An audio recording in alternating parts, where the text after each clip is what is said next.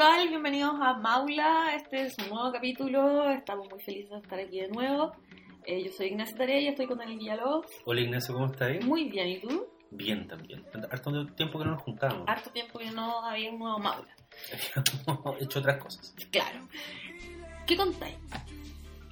Y cuento. ¿Sabías en realidad la web con la que he estado pegado estos últimos días? Ujú. Eh, puta, un cover que no es nuevo, pero que era nuevo para mí, que es todo lo que importa.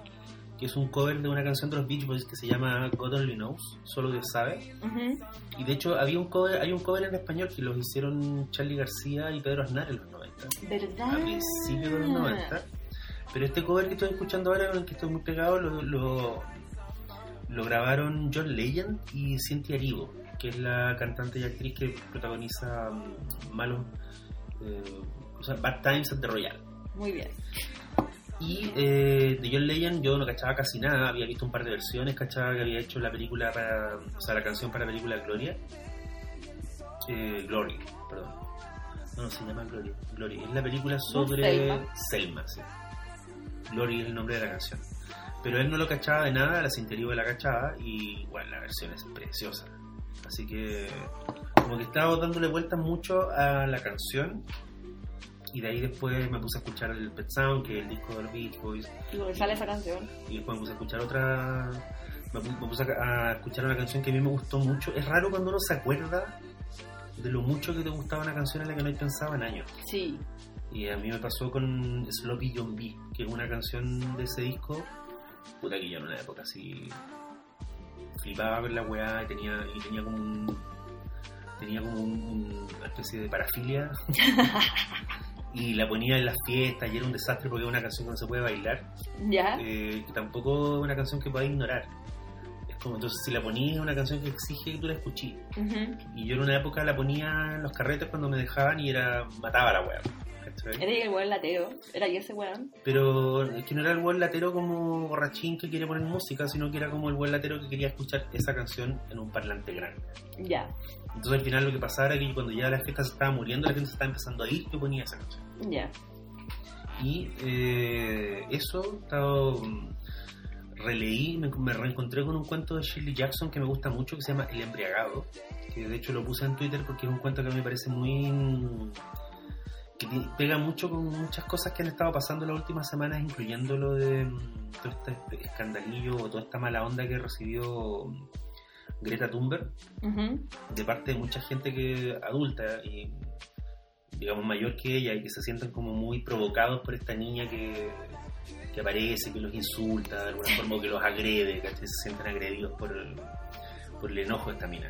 Y yo estoy súper de acuerdo con, con- con el discurso de ella y estoy súper de acuerdo con que esté enojada, pero lo que me alucinó del cuento de la Shirley Jackson es que captura muy bien la, la dinámica de por qué a la gente más vieja los puede poner nerviosos o los, o los- los puede provocar eh, una persona, alguien menor que en el fondo les describa el apocalipsis. Es eso. Lo que hace Greta Thunberg es, ya no ni siquiera es como hacer un llamado a la concordia y a la y unámonos para, y unámonos para cambiar, como que ella igual eh, creo que mucha gente que la apoya no se da cuenta que el discurso de ella, que es súper complejo, eh, es, completamente desesperanzado. Ella no, ella no tiene ninguna. No tiene un plan. No quiere tener un plan. Ella dice: soy una niña, los adultos deberían hacerse cargo de esta weá porque yo estoy aquí. Y, y en ese sentido, puta, se conecta con figuras históricas y con figuras de ficción. Y este cuento de la Shirley Jackson, eh, que es súper chico y que es sobre un weón borracho que se va a la cocina de la casa donde hay una fiesta, se encuentra con la hija de los dueños de casa. Y esta niña, de repente le empieza, creo que a partir de un sueño, le empieza a hablar de cómo va a ser el mundo pronto. Ya. Y lo que ella describe es una destrucción total, donde el mundo queda arruinado y la gente que vive, que sobrevive, lo hace como a partir de, de una lógica medio Mad Max. Ya. Y, y el weón se empieza a poner profundamente incómodo a partir de que en el fondo es una pendeja que simplemente está como desvariando, ¿cachai? Ujú. O no desvariando, pero está... Ella es eh, Cassandra, es la figura mítica, ¿cachai? Mitológica. Eh, eh, Ella es... ah, una persona que tocó, que, que él se encontró en un momento de su vida y que le dice, sin ninguna duda, que lo que se viene es atroz. Ujú. Lo que se viene es la destrucción, lo que se viene es el fin de las cosas, Ya. eh, no lo logramos, ¿cachai?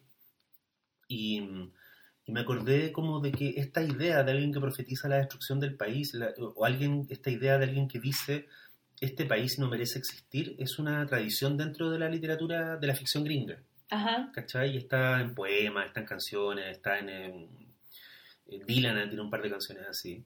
De hecho, es curioso porque a partir también del cuento de la Shirley Jackson me di cuenta que una de mis canciones favoritas de Dylan, que se llama Blind Willie McTell, dice más o menos lo mismo que dice el discurso de la Greta Thunberg en las Naciones Unidas. Ya. ¿ya? Lo, lo que no es raro porque también es un tipo de discurso de mucha urgencia, de mucha rabia y de mucha tristeza. Y que te habla en el fondo como, como de la sensación de que ya pasó. Ya no, no es un discurso de- no es el discurso esperanzado que tenía ponte tú Al Gore el 2002. Claro, claro, sí. Es el discurso de weón, cagamos. Pero antes de que caguemos, yo los voy a obligar a ustedes a reconocer que este fue un error de ustedes. Mm. Eso, en eso estaba pensando. ¿Y tú? Yo estaba pensando harto en, eh, en Community, ¿Ya? porque cumplió 10 años la emisión de la prim- del primer capítulo. Chucha, ¿cómo pasa el tiempo? ¿Cómo pasa el tiempo?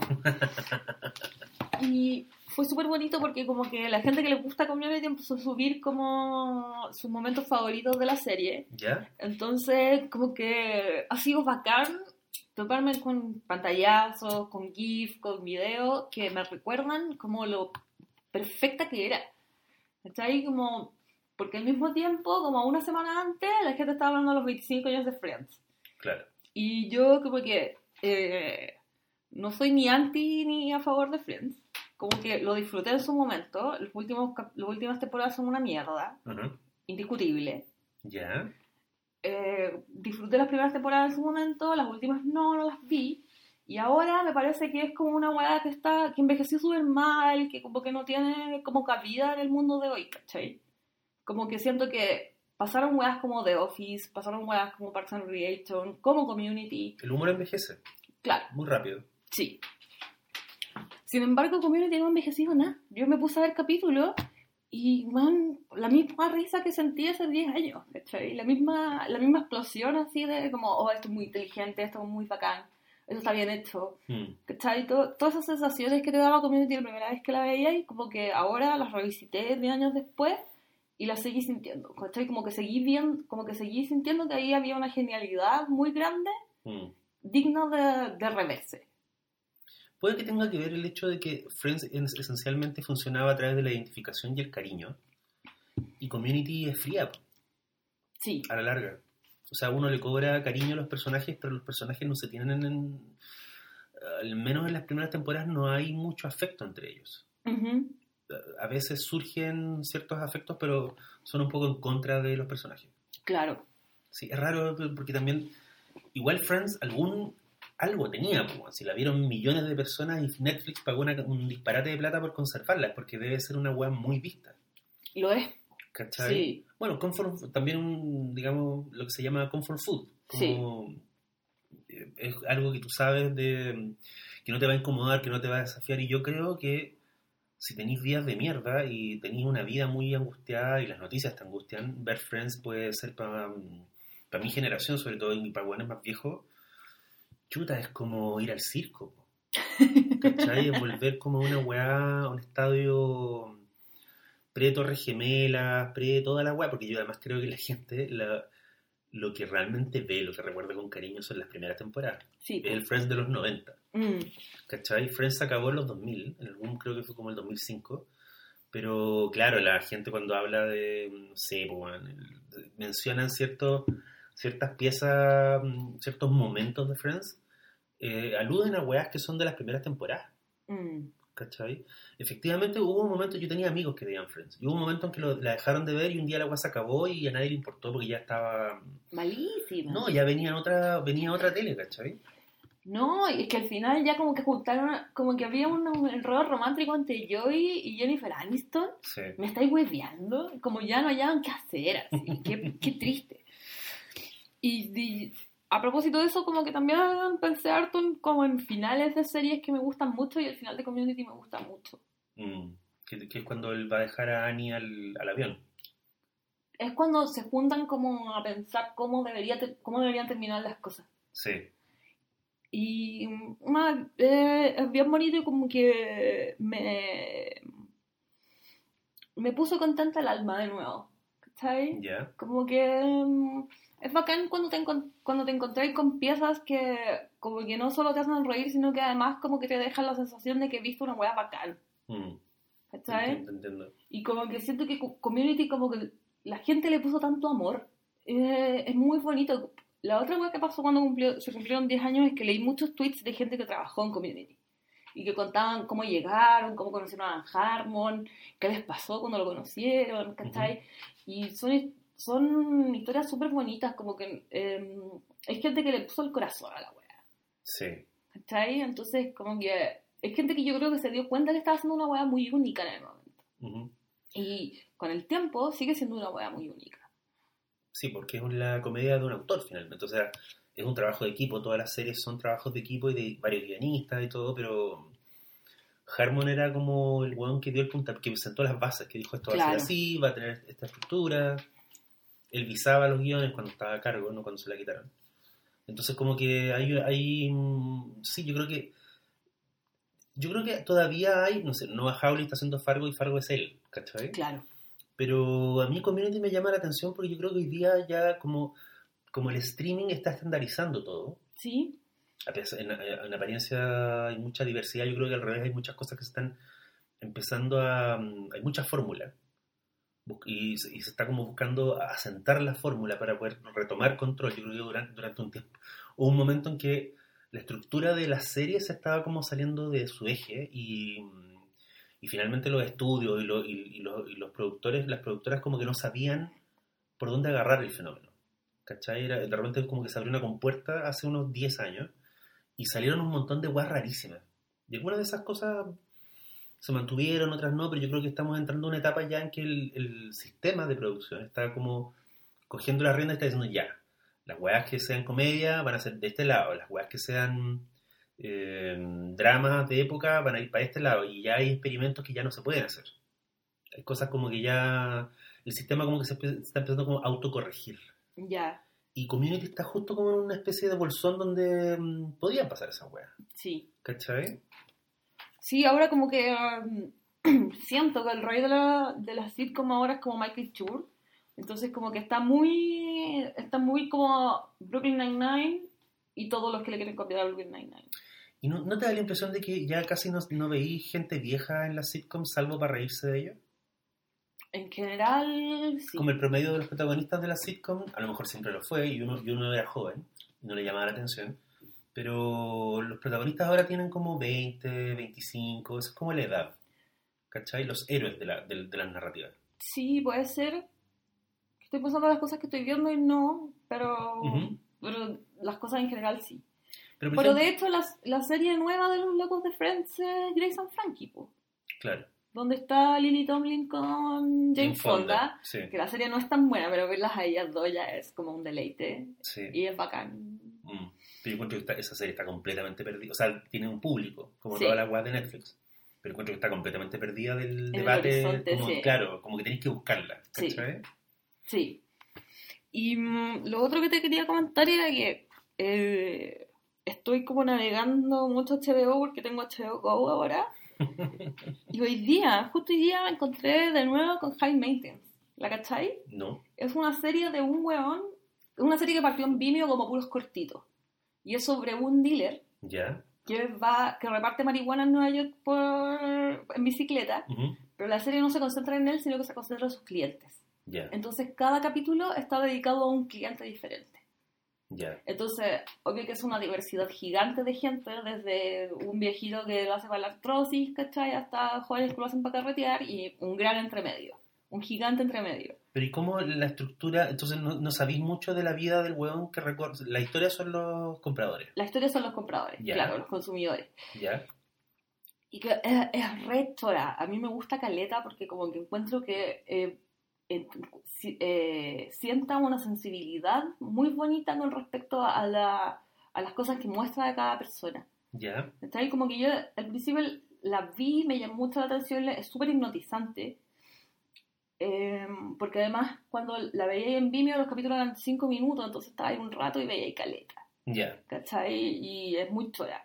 Ahora, los ahora que la HBO la compró y lleva tres temporadas, las- los capítulos son de 20 minutos y como que vemos más de los compradores. Ya.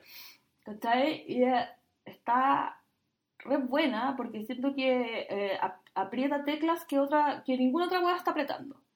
¿Cachai? Como que em, está mostrando gente muy real, Ujú. eh, pero en situaciones muy particulares. Ya. ¿Cachai? Eh, de hecho sale Dan Stevens, que es como el único weón famoso que ha salido en la serie. Ya. Y Dan Stevens es un weón que se viste de mujer cuando la esposa no está. ¿Cachai? Entonces, no, eh, eh, es re chora y mm, hay muchos compradores y algunos eh, los muestran por segunda vez, entonces les vaya haciendo seguimientos, ¿cachai? Y hoy día justo vi el de, de un, de un loco que le compra, le compra al dealer solo porque está enamorado del dealer y guarda toda la marihuana en una cajita. Ya. ¿cachai? y eh, eh, encuentro que es, es muy bonito porque lo muestran como el loco saliendo a comprar, escuchando música en la calle, como weas que eh, son muy cotidianas, pero que no uno no ve en general en la tele, pero que ahí están mostradas de una manera de la cual es importante para la trama. Claro. ¿cachai? Como que el hueco cruza la calle, por ejemplo. Y eso lo, lo encuentro como de, de valor, porque mm, eh, como que todo en, el, en este momento como que tiene que ser súper grandilocuente y extraordinario. Y aquí como que se están concentrando en las pequeñas historias de personas privadas, ¿cachai? Claro. Y, y de repente no son perso- personas ni tan fantásticas, ni con historias tan extrañas, ¿cachai? Sino solamente como una intimidad muy, muy bella de, de, de un momento de una persona, mientras fuma marihuana. ¿cachai? Entonces, es, un, es una serie que uno ve y queda como con una, con una linda sensación de cómo es el mundo, ¿cachai? Como... La, Eso. ma- la marihuana une a la gente. La marihuana una la gente, Me totalmente. recordó a una película de Paul Schrader, muy, muy olvidada, que se llama Night Sleeper, que es sobre la rutina de un narco, pero es un dealer de jale.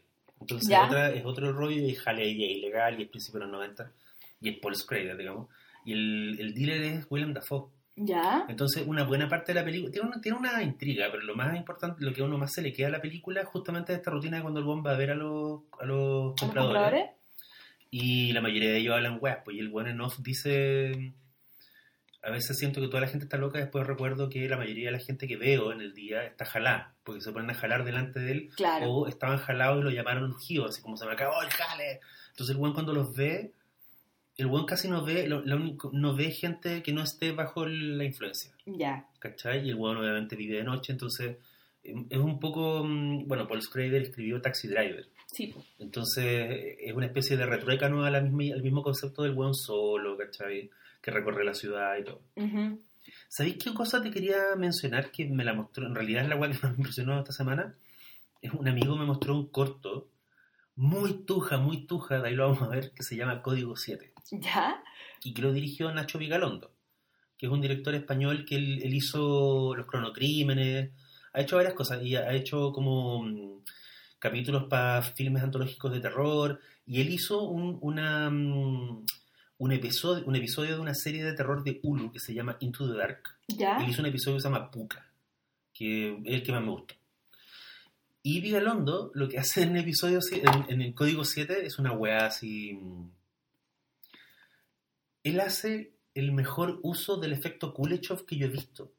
¿El efecto qué? El efecto Kuleshov es una, una especie de teoría, eh, experimento que hizo un señor que se llama Kuleshov hace muchos años, como en la época del cine mudo, y que tiene que ver con todas las, te- con todas las teorías que los rusos tenían sobre el cine.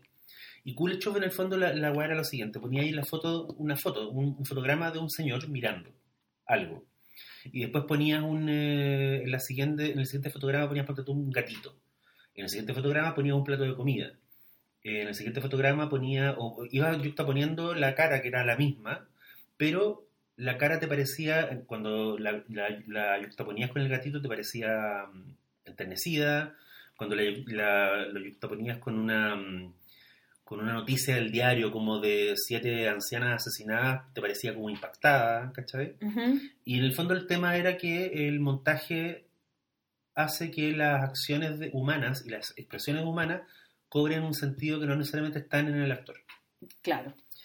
Ya, ¿y en qué, consiste, Contexto. en qué consiste esta weá?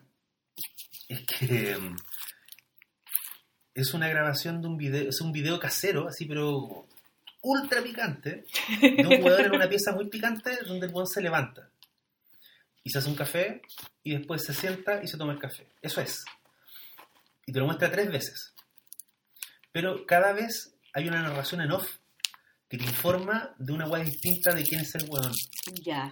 Y, lo- y- y los gestos que él hace, que son súper cotidianos, como levantarse, como lavarse los dientes y prepararse un café, eh, cobran sentido distinto, que la web es cada vez más hilarante, porque la narración es súper, eh, la narración es como Star Wars, ya. ¿cachai? Es como, es, eh, esta es la historia de Elmer Padrich, un hombre que eh, viajó al, al espacio infinito mientras el buen se haciendo un café. Y te quedó atrapado en una dimensión que tiene la apariencia de un departamentucho de Barcelona en el año 2002. ¿Cachai? Y mientras, mientras se prepara algo que parece café, pero en realidad no es café porque es una ilusión, Elmer Padrich piensa eh, sobre el destino del universo y cómo escapar y alertar a su patrulla. Y después como que la siguiente weá es una historia más descocada y a la tercera weá es completamente meta y es Charlie Kaufman y la encontré genial. Bacán. Me cagué de la risa. Se llama mm, Código 7 y la encontré por Google. Si ponís como Vigalondo Código 7 te sale, hay como dos o tres versiones del video. Se ve mal en todas porque ese es el rollo. Ya. ¿Cachai? O sea, no hay una versión corregida, no se ve. Es una weá que el buen grabó a principios de los 2000 con una cámara como de Falabella. Ya. Ese es el rollo. Oye, a propósito que mencionaste Star Wars, me acordé que me mostraron un, un video que hizo un ruso ¿Ya? Sobre la pelea de eh, Obi-Wan Kenobi con Darth Vader. ¿Ya? El güey la rehace. Así, plano por plano, la rehace como en otro sector ¿Ya? y agarra planos de la película y mete planos que inventó él. Y hace una pelea mucho más bacán y alucinante, así, donde como que tanto Darth Vader como, como Obi-Wan hacen volar objetos y se los tiran al otro, ¿cachai? Hay un momento de espadachín mucho más pulento. Y entre medio eh, muestran, lo intercalan con escenas, de- lo intercalan con escenas de la película. Entonces es como todo el rato si estuviéramos viendo la Star Wars, pero con una pelea mucho mejor. Claro. Y la weá te hace todo el sentido porque se supone que los dos eran unos pulentos de la espada láser. po. Y la Eh, pelea original es una mierda. Estamos hablando de la pelea donde Obi-Wan muere. Estamos hablando de esa pelea. Ya, yo tengo un, un- un, em, O sea, no me cabe duda que debe verse mucho más bacán, que debe ser espectacular, pero... Puta, el flaco no entendió la escena, porque esa escena se trata de que Obi-Wan se inmola para que los otros buenos escapen, po. Sigue tratándose de eso. Pero entonces no pelea, el Obi-Wan no necesita pelear, ¿cachai? Por eso el weón le hace como un par de papas y después levanta el sable y Vader lo mata. Ya, esto es con más pelea. Esto es lo mismo, Claro. ¿cachai? Como que es lo mismo porque finalmente Obi-Wan muere, obvio, pero eh, se dan más... La cacha. se dan más la cacha entre ellos. ¿cachai? Y es bonito porque como que en el fondo uno igual quiere ver el uso de la fuerza, ¿cachai? Entonces yo aquí vi el uso de la fuerza. Y dijiste como, esta es la... Lucas no entendió nada. Claro, Sí. no, es que está bien que, o sea, está bien lo que acabáis de decir, ¿Ya? pero yo insisto en que, lo- o sea, después de que vi la weá, fue como, claro, pues weón, si se supone que Darth Vader era el mejor weón de la pelea, po. y se supone que Obi-Wan era un bacán de pelear, po. Sí. entonces, ¿por qué su pelea es tan como... Pero igual lo había vencido antes, po, ¿no? Cuando Vader se cayó al, al- al- al- a esta lava en este planeta culiado en, el- en la venganza del, del Sith. Ah, cuando, cuando hay un Iwan McGregor de... Sí, po, que no vi le gana, de hecho. Ajá. Ahora no recuerdo, no tengo ningún interés como en verla de nuevo, pero no recuerdo bien si le gana limpiamente o como que el no sé, le tira una piedra o, o algo. Alguna chancha le hizo, porque obviamente se supone que Anakin era, era, era teóricamente el mejor, pero igual que no vi ganó. Claro, lo que de alguna forma demuestra, o sea, se supone que lo que yo alcancé a entender de ese horror de película era que Anakin tenía el potencial de ser el mejor, pero como que su temperamento lo traicionaba. sí, En cambio, eso que no, que yo recuerdo. que no era como un hueón más, digamos, más, más, Más sabio. Más zen. más claro, más centrado. Y como y en el contexto del, del- de, lo- de estas peleas, el weón centrado gana. Claro. ¿Cachai? Como porque se supone que tenía toda esta weá media pseudo asiática, marcial. ¿Cachai? Sí. Nunca he sabido si esa weá es verdad. Igual me dio risa como o sea, me dio como una risa pena pensar como, puta, un ruso culiado estuvo cinco años gastándose plata y tiempo en editar esta weá, Pero que si solo la vamos a ver en YouTube. pero si ese es el fanatismo, po. Eso es, ¿Tú cachai que hay unos buenos que reconstruyeron la versión original de la Guerra de las Galaxias? La, mm, porque Lucas en algún momento de los 90 enchuló la mm, Lo recuerdo. The New Hope. y Sí. Se estrenó en cine y era como venga a verla como, como debió haber sido. Y yo sentí, a diferencia de mucha otra gente, que el buen estaba en su derecho. Si, bueno, es su película y es como que venga un pintor y tú tenés un cuadro de él y el buen dice, chucha, esa parte quedó mal porque yo ese día no me conseguí, la, lo- no tenía la plata para los óleos bacanes claro. y ahora ando con los óleos. De hecho, creo que hay un pintor que hacía eso. Iba a las casas de los buenos que les compraban los cuadros y les pegaba como una... La dura, qué bonito. Sí, y como que de repente los buenos de- decían como... Oye, olor a pintura, puta, estuvo este weón acá. como que le pegó una... corrigió un detalle.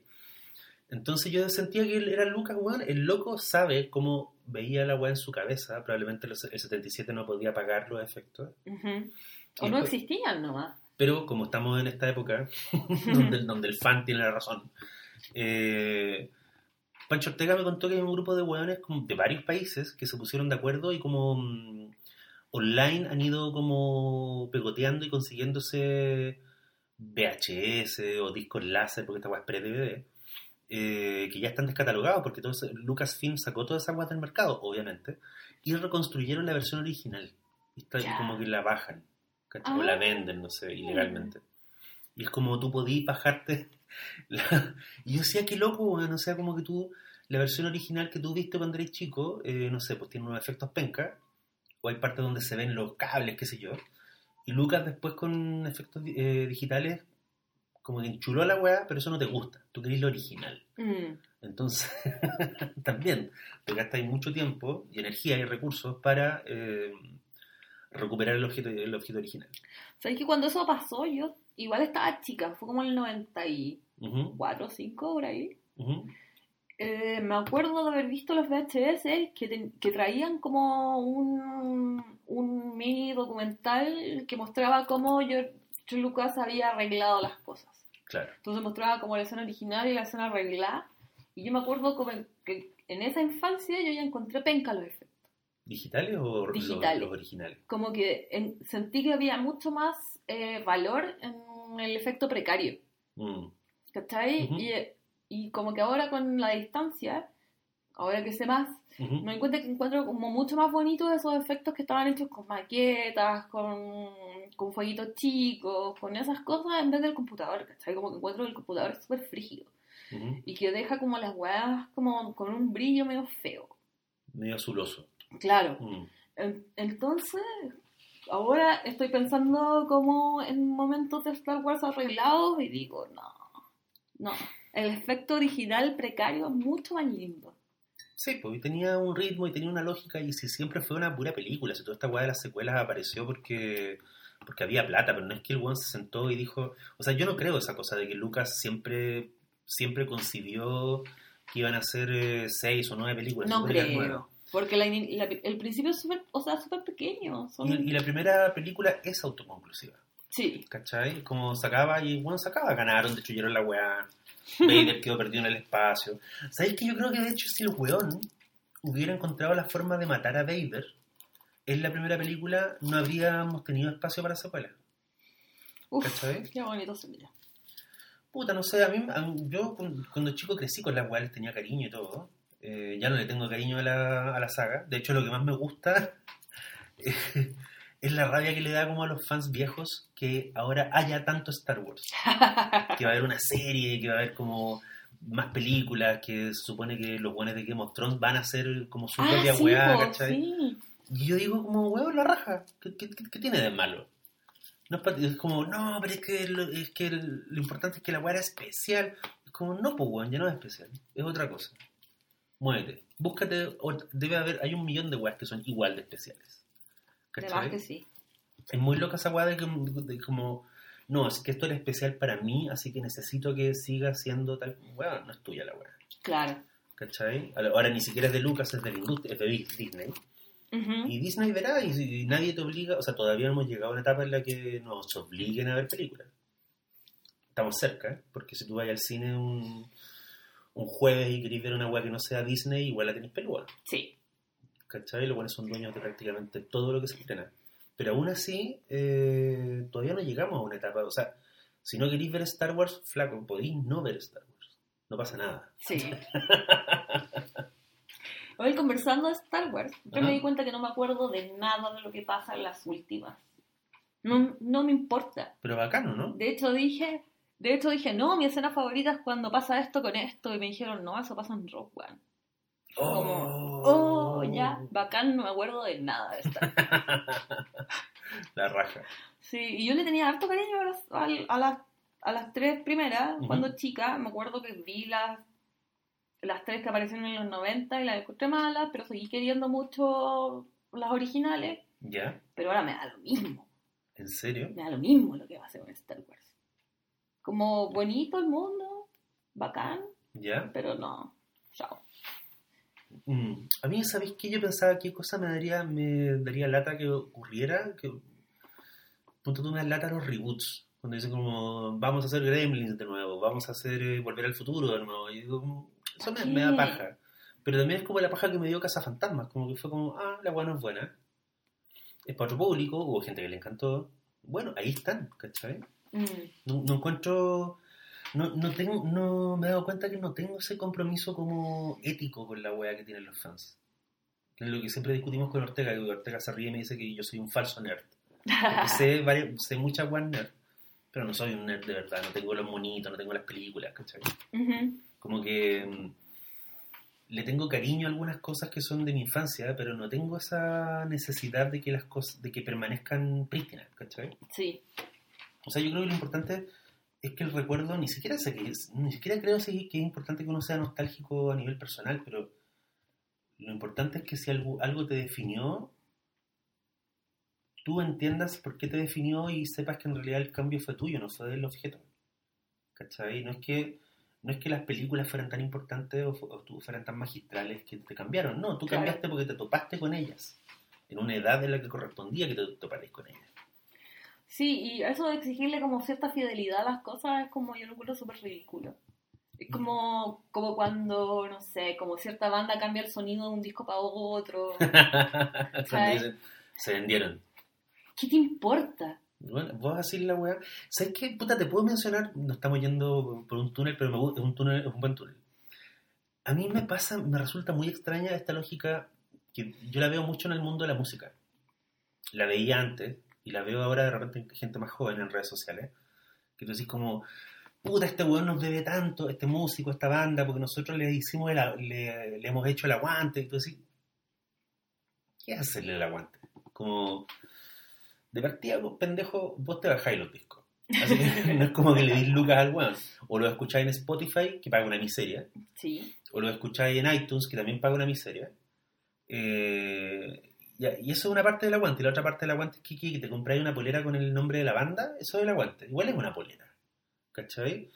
Y- o el aguante es que hayáis dos veces en tu vida hayas ido a ver, eh, que lo escuché hoy día a propósito de esos estéreo. Del Ya. aviso, este anuncio de que... eh, Se van a juntar, eh, los que no son Cerati se van a juntar a... con otra gente iban a hacer una especie como de tributo gira.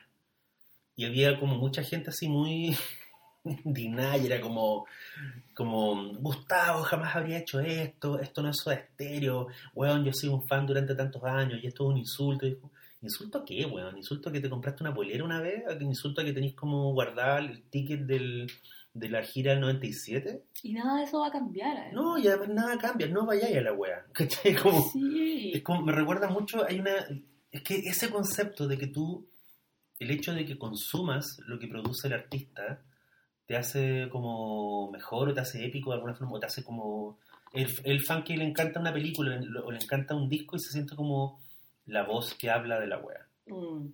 ¿cachai? Lo encuentro muy raro.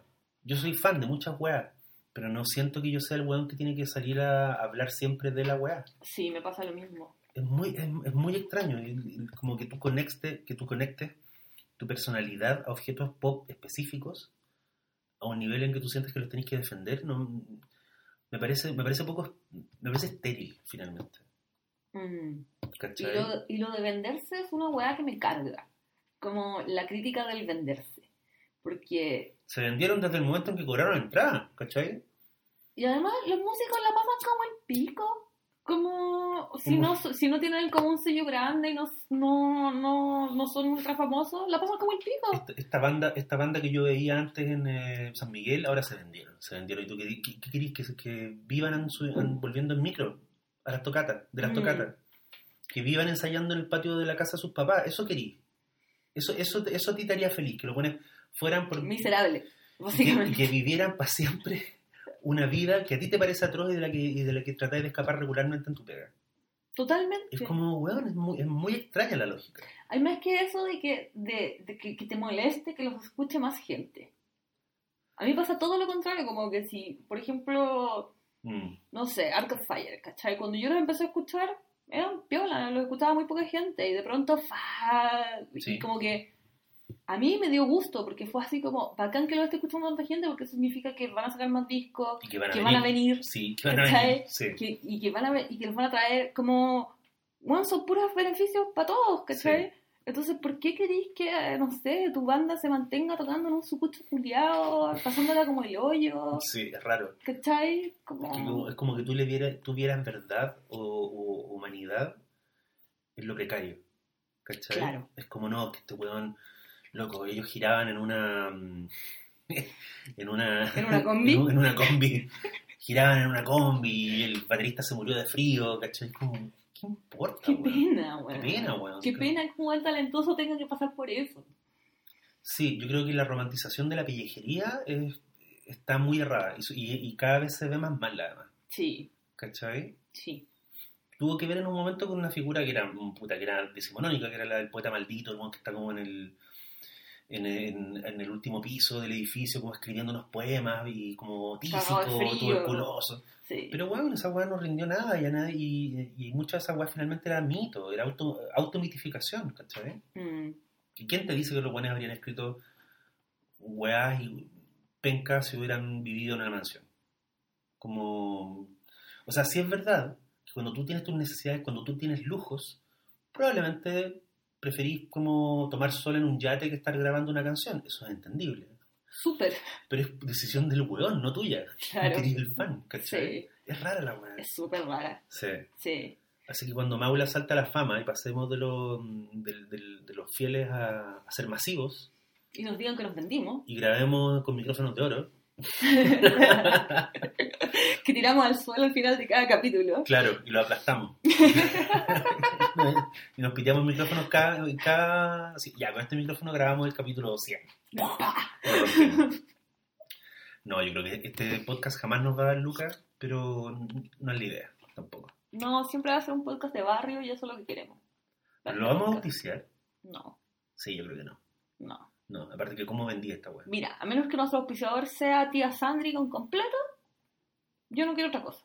Ah, ya. Bueno, si conseguí el auspicio de tía Sandri, lo, la. ¿Cachai? Si conseguimos un auspicio así, que nos, que nos, Café. que nos compren bebidas. ¿Cachai? Una hueá piola. Ya.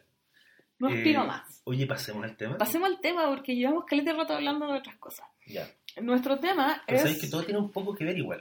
Todo tiene súper que ver porque yo creo que vamos a volver a esta conversación a medida que vayamos conversando de este gran libro que se llama Rock Dreams de Guy Pillard con Nick Cohn. Guy Pillard es el loco que dibujó y Nick Cohn es el loco que escribió.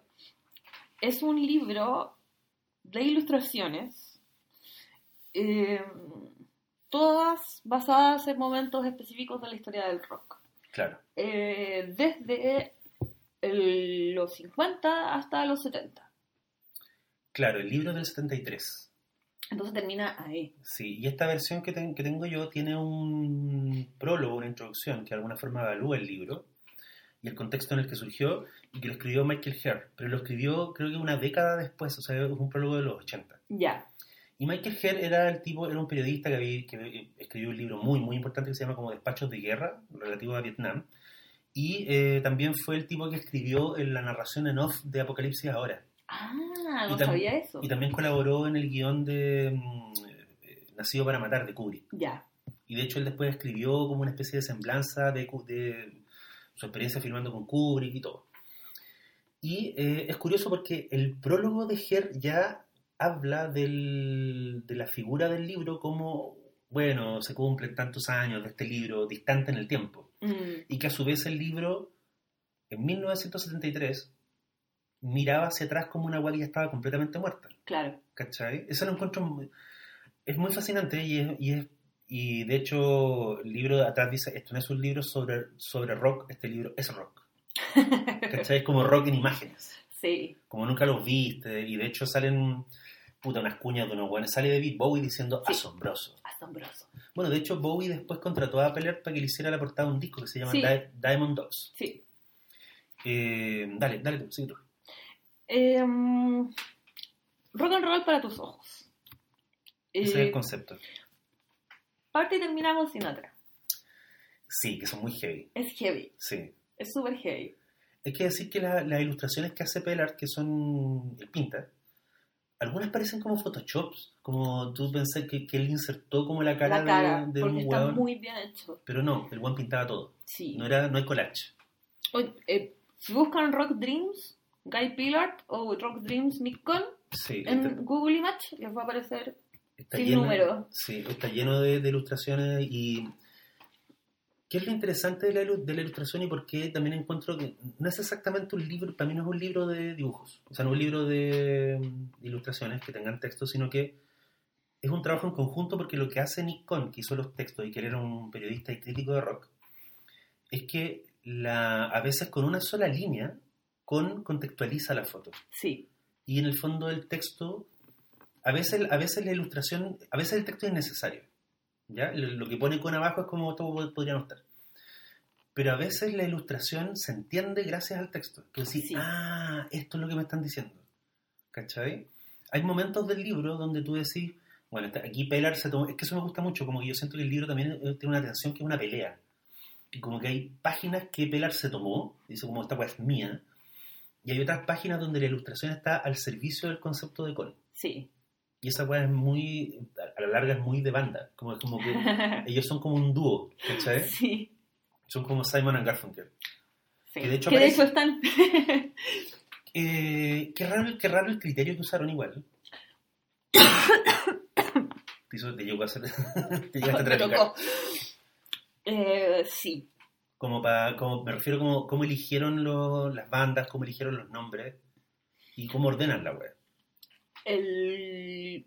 Y no solo, como, no solo esas dos cosas, sino que además, cuando ya elegís el- la banda, el momento que elegís la banda. ¿Cachai? El Sí. momento que elegís mostrar. Sí, Como que es, es rectorio porque no son. No, no, no es como. la- ah, las ilustraciones no son como fotos de archivo. No es como ya aquí están los Rolling Stones tocando en Londres. sí, Sino que es una weá, o sea, un momento imaginado de los, de los Stones haciendo X situación sí. que ilustra muy perfectamente quién es quién dentro de la banda o quién es la banda dentro del mundo y cómo se ubica la banda en el mundo. Exacto. Entonces es, es muy bonito ver cómo deciden mostrar ese momento, Mm, ¿cachai? Y cómo esa, esa imagen se vuelve una weá tan como de múltiples capas mm. porque eh, no solo es la banda, es todo el contexto que tiene. Es lo que significaba la banda para la gente que la consumía. Claro. Sí. Me llama, lo, lo de Sinatra no es gratuito, porque aunque Sinatra, de hecho, la mayor parte de su carrera eh, detestó el rock Sí, y encontraba que era una música de monos y una música de estúpidos y toda la cosa. Eh, Sinatra fue de alguna forma como la primera, el primer Justin Bieber, y así lo presenta Pellard en, el- en la apertura del la libro. primera estrella de rock. La primera cosa que el buen muestra es eh, un Sinatra muy joven y moralmente joven, Sí, sonriendo rodeado de pacos y como con unas chicas alrededor y es como una mm, es un falso titular de diario o a lo mejor es un titular que existió que dice Frankie goes to Hollywood sí, ¿cachai? y sigue siendo es raro porque es una imagen donde hay varios elementos. Está el sex appeal de Sinatra, que está como en el momento más hermoso de su carrera, el es como un Justin Timberlake. Eh, hay unos gallos alrededor que hay un Paco, porque está, está la ley, está la admiración de las mujeres, ¿cachai? Está la prensa, porque se alcanza a ver una cámara. Y eh, Sinatra está como sujeto, alguien lo está como agarrando por atrás. Sí, hay dos personas que lo están agarrando. Que son obviamente los managers. Son unos buenos más viejos, son medio gordos. son como unos. Claro, tú decís, es, es la industria. La Sí. industria la que lo está como moviendo, lo está haciendo avanzar, ¿cachai? Y, y la última imagen del libro, que es Sinatra brindando en la oscuridad, y que es Sinatra viejo, ya gordo, y que está como apenas aludido, como, como que tú alcanzás a cachar que es Sinatra, pero es como una foto que estuviera muy, muy contrastada. Sí, Y el tipo está claramente en el escenario, tiene un micrófono en la, en la mano y tiene una copa alzada. Y abajo hay una línea de una canción de los Who. Hope I die before get old. Claro, espero morir antes de hacerme viejo, que es justamente lo que no le pasó a Sinatra Lo que no le pasó a los Who. y lo que no le pasó al rock. El rock, el rock no murió antes de hacerse viejo y esa es toda, a la larga, lo que me gusta de Rock Dreams es que es un libro muy trágico Sumamente. y se concibió trágico desde el principio, no es un libro feliz, No. ¿cachai? Y debajo de todo lo que te cuentan hay una weá bien siniestra de este fue un sueño, oh, esto tiene que ver con lo que estamos hablando de Star Wars, este fue un sueño que consumió a una generación que cuando creció quiso seguir viviendo el sueño. Cuando fue una generación de... De hecho, Michael Herr lo dice con todas sus letras en el prólogo. Déjame buscar la cuña porque me parece muy interesante. Recordemos que es un libro del 73. Dice, para el momento en que el libro se edita, el- ese ritmo del tiempo ya se había ido. Hombres y mujeres en la treintena seguían portándose como niños malcriados, soñando con volver a los antiguos ritmos del jukebox tribal y los días del clímax en común. Fue un momento de incomparable amargura en la cultura norteamericana. Mm. O sea, estamos hablando también como de post-Nixon, post-Altamont, post, post el cagazo de Gimme Shelter, ¿cachai? Sí, Entonces, eh, no es un libro que esté hecho en la cresta de la ola. Es un libro funerario. Y de hecho termina, o sea, las últimas imágenes ya son así. Los buenos dicen. El, el rock se convirtió como un espectáculo. Hay una, hay una doble página que es muy impactante, que es como la entrada de un circo. Y Sí. donde hay como un guatón abajo en la taquilla, un guatón como muy feo, como muy sediento. Y arriba están como los como unas figuras que son ya no que no son específicamente artistas del mm, artistas reconocibles sino que son como el Jim Morrison eh, la, la, la, la mina como despeinada drogada el guitarrista eh, virtuoso y dice como el mayor espectáculo en el, en el mundo ¿cachai? The Mm, biggest sí. show in earth, on earth y es como la sensación de que al final la weá se convirtió en eso se convirtió como en una mm, en algo que no solo era circense sino que era reiterado y que era para niños como esta se la vamos a vender a los cabros chicos. Entonces, también hay algo en el libro del choque entre la. que es lo mismo que está pasando ahora con weas como Star Wars, ¿cachai? Está el choque entre la industria que le quiere seguir vendiendo nuevos, nuevas, nuevos Elvis, nuevos Jim Morrison, nuevas eh, Janis Joplin, a los cabros de los 70, a los cabros que tenían 15 en los 70. Sí, Y, pero por otro lado, había una generación que eran los buenos de, que habían crecido con Elvis y, que habían, y que habían vivido como la Beatlemanía y que ahora tenían, los 70 ya estaban como adultos. en sus primeros matrimonios, teniendo hijos, y que insistían en que el rock era otra wea. Entonces también eh, Rock Dreams habla de eso, como de, bueno, ¿qué es esto? ¿Cachai? ¿A qué le vamos a llamar rock? ¿Cuándo aparece? ¿Y cuándo desaparece? Claro. Y es súper bonito porque una de las primeras imágenes es Bill Haley, Bill Haley, que es el que tocaba Rock Around the Clock, y el se está maquillando, se está sacando la, el maquillaje en un, como en una como en un camerín muy, muy tuja, y el texto abajo es muy heavy porque él dice, puta, se me acerca la gente y me dice, Bill, ¿cómo puedes tocar esa basura? Tú eres un músico, tú eres un hombre adulto. Y el loco dice, you know, tengo cuentas que pagar. I have, I have bills to pay. Sí, pues, ¿Cachai? No, y dice, it's a living. Es como, claro, es una forma de, de un- es una vida. Es una forma de ganarse la vida. Hay un montón de imágenes que son incorrectísimas. Estoy buscándolo, pero llegué a una incorrectísima que es Jerry Lee Lewis. La primera aparición que tiene Jerry Lee Lewis en el libro, Claro. que es Que un no- afiche, Que de hecho no aparece Jerry Lee Lewis. él sale en un afiche en la imagen. Claro, aparece un afiche grande de, de él. Y abajo sale esta novia que era su prima, que era su prima, que tenía, que era Winona Ryder, básicamente. que tenía como 14. claro. No, pero en la, en, el- en la foto, o sea, en el dibujo de Pelart es muy raro porque ella mira la cámara de una manera que es como inerte, no tiene vida, no está ni feliz, no, es- no es ni, no hay ninguna emoción ni ninguna pulsión en ella, es una especie como de, de virgen, literalmente. Pero está vestida de novia, Y está metiéndose la mano debajo de la falda. de la falda, claro. Sí. Y está como esa idea que a, que a Pellar y a Cole le interesa mucho, que es como la función, o sea, a pesar de la mm, cómo la industria rápidamente se cay- le cayó encima al rock y dijeron como, weón, aquí hay mucha plata, tenemos que vender, eh, rápidamente ocurrió esta contradicción de que lo que más vendía era eh, cosas que tuvieran al menos la apariencia de ser eh, transgresoras. Que eso le explica después cuando aparece, varias, varias páginas más adelante aparece Alice Cooper, ¿te acordás? Sí. Y el weón está sentado como en una oficina como de contabilidad, pero hay una ficha de él como onda, como mordiendo un ratón, Sí. y el texto dice como mm, después de estudiar con, en detalle las formas más eh, fáciles de espantar y sacudir a las audiencias, eh, Alice Cooper, el hombre de negocios, se dedicó a ejecutar todos esos actos de, de transgresión como por cronómetro. Sí. ¿cachai? Clockwatch, así. Y es muy bonito porque igual el libro es súper crudo, es súper duro con aquellos que no, que intentaron como profitar del espíritu del rock, Ujú. aquellos que no lo tenían, ¿cachai?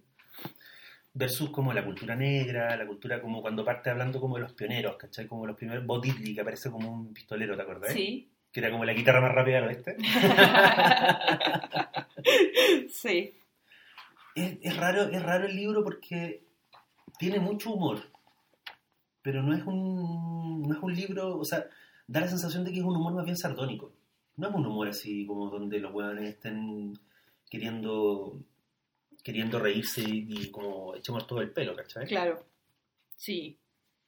Yo no cacho mucho las primeras personas que salen, ¿Ya? como Fat Domino. Estoy, estoy ojeando. Pero bueno, aquí viene Little Richard. Y es la zorra. Claro, es que el de, el de Little Richard es una imagen a dos páginas donde el weón sale como presidiendo una especie de... no sé, es como una especie de circo, pero también tiene una, una cosa como de culto religioso. Sí, da o sea, sí, es una especie de circo, sí. Em, el circo Tutti Frutti, Sí, pues. Claro. No, y las chicas tienen los nombres chicas, de las canciones. Sí, sí. Hay como una. Está Lucille, está Miss Molly. es está- como unas vedettes. Sí, Sí. sí. Es bacán. Pero también hay una. Y hay una alusión claramente como a la. como a esta cosa que en ese momento no se decía abiertamente, que era como el. el- No sé si Little Richard estuvo alguna vez en el closet. Por cierto, no estuvo en el closet del ritmo. Pero, hay- pero igual hay una hay como una sensación de que lo presente. Es que eso es muy interesante porque como rock, el libro se llama Rock Dreams. Entonces no son semblanzas biográficas. Claro, no están interesadas como en la exactitud y la precisión, no dicen como te voy a contar, no, weones dicen como ¿qué era el mito de este weón. Ellos están interesados no en las vidas personales de los rockeros, sino que están interesados en la, en la confección del mito. Y lo que a mí me alucina de esta imagen de Little Richard es que esta pregunta que yo acabo de hacer, como la pregunta que le hicieron a Juan Gabriel, el cuadro, lo- el- la imagen la hace relevante porque dice Little Richard era algo más que humano y estaba por sobre los géneros y estaba por sobre el color.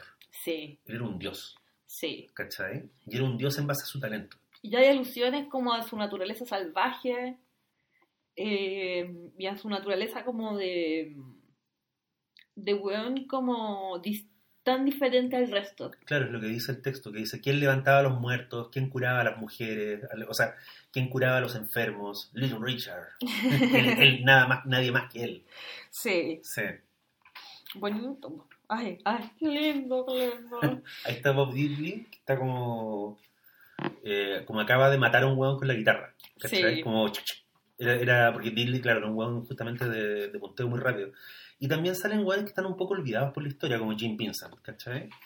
Que sale como en una especie, en una escena que es muy de película, como que llega el Paco al bar donde hay un hueón tirado en el suelo y está Jim Vincent y obviamente lo van a culpar. Claro, Y fue más o menos lo que le pasó en términos de en términos de la industria. Él fue un hueón que nunca tuvo... Vincent fue una especie de proto Elvis, ya. que como que no la pegó, no, Uh. no llegó. En ese sentido, Rock Dream se tiene una weá bien darwiniana, que es como, estos son los weones que no la hicieron. Y este es el weón que sí la hizo. Sí, a mí me pasa que como que con los que no conozco, como no sé cuáles son sus historias, no cacho cuál es su lugar en el mundo del rock, no sé bien qué está pasando en la imagen, ¿sabes? Claro, pero al mismo tiempo, yo creo que esa es la o sea, el libro cuenta con eso. El libro cuenta con que la gente que también leyó el libro 73 no sab- ya se habían olvidado de Jim Vincent. De más que sí, po. Porque tampoco nunca fue un weón tan popular como lo fueron Elvis, como lo fue Little Richard, ¿cachai? Claro, como son los que vienen, así como Chuck Berry, por ejemplo, que viene en la página siguiente y que está en una página está en una barbería. Una weá Claro, cortándose muy- el pelo a sí mismo. la figura de la barbería. Y después está él como haciendo este pasito que le dicen como el salto del, del pato, El paso al pato. el sí, paso del pato. Sí, Duck Dance. Bonito. Y em, hablemos de la barbería, que lo encuentro muy, lo encuentro como Es un recurso que Pelar vuelve a usar en el, cuando él ilustra a Chavi Checker. También lo pone en su pega y también lo pone de alguna forma reproducido. Y Chubby Checker, de, de alguna forma, o Checker, perdón, es como, es uno de los que es tratado más amablemente por Con, que es el, que es el tipo que escribe, y por Pelar, que es el ilustrador. Porque eh, lo de Checker es como la fantasía, es un poco, ¿sabéis qué? El libro lo presenta como el coreano del Gangnam Style. ajá, ¿cachai? Esto era un weón que trabajaba en una mm, faenadora de chancho, ¿cachai? Y el weón sale literalmente con un delantal, con un mandil, y con un gorro, y con unos guantes, así, y el weón está mirando a la- como a la cámara, porque algunas, algunos, algunas ilustraciones de Pelar parecen fotos, ¿cachai? sí.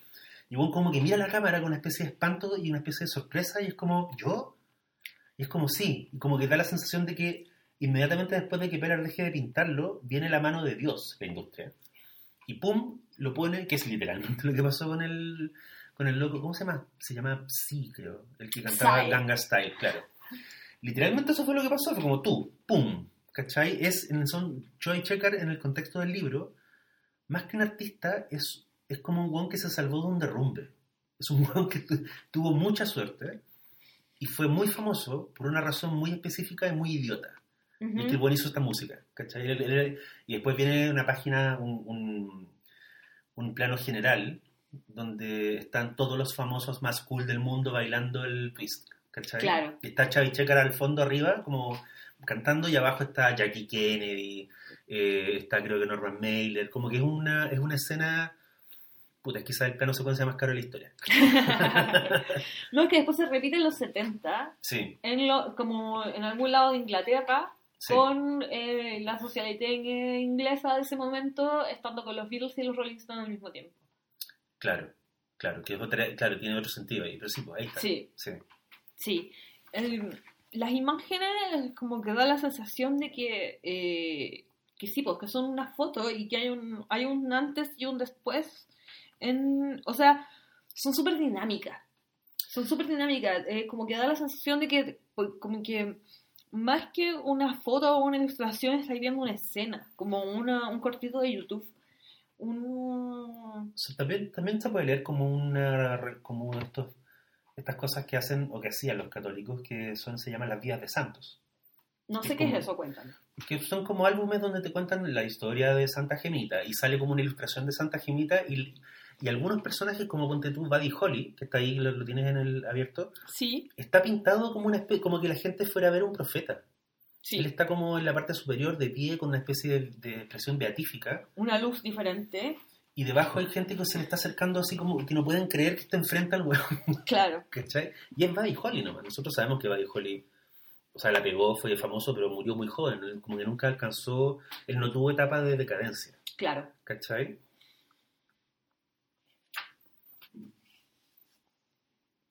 Esos son los Everly Brothers, que están, están, es una, esa es una de mis, de mis imágenes favoritas del libro, porque ellos están como sentados en un autocine, cada Sí. uno en un auto distinto, y uno de ellos tiene un, un globo de texto como a lo, a lo Wandy Warhol, o a lo, ¿cómo se llama este otro pintor? Un gallo que pinta como... Lichtenstein. Lichtenstein, claro. Como tiene un globo de texto como a los Lichtenstein, donde el tipo dice, recita un texto a los Everly Brothers, ¿cachai? Ujú. como debería decirle, no debería decirle, la chica con la que él está no le importa. Es como... Y hay una weá media extraña como de mm, bromance, que Peller cap- captura de manera perfecta como... Sí. Porque eso también encuentro que es un gran mérito de los dos hueones, de Cohen y de Peller. Y es que en la mayoría de los casos, sin, sin contar con la música, en una imagen o en una página, ellos te dicen, este hueón se trataba de esto.